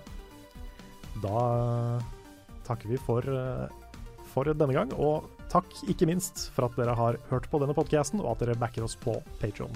Det setter vi voldsomt stor pris på. Og så ses vi igjen neste gang det skjer noe, enten det er i en video eller en podcast eller en stream eller whatever. Og så avslutter vi med ukas spillsitat. It's dangerous to go alone. Take this.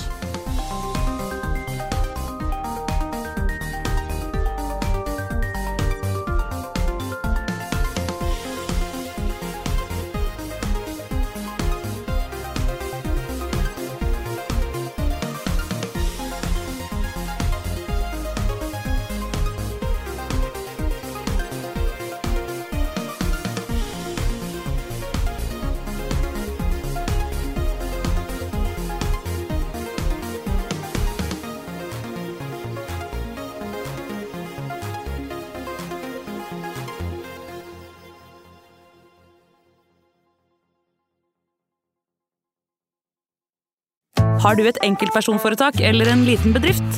Da er du sikkert lei av å høre meg snakke om hvor enkelt det er med kvitteringer og bilag i fiken, så vi eh, gir oss her, vi. Fordi vi liker enkelt. Fiken superenkelt regnskap.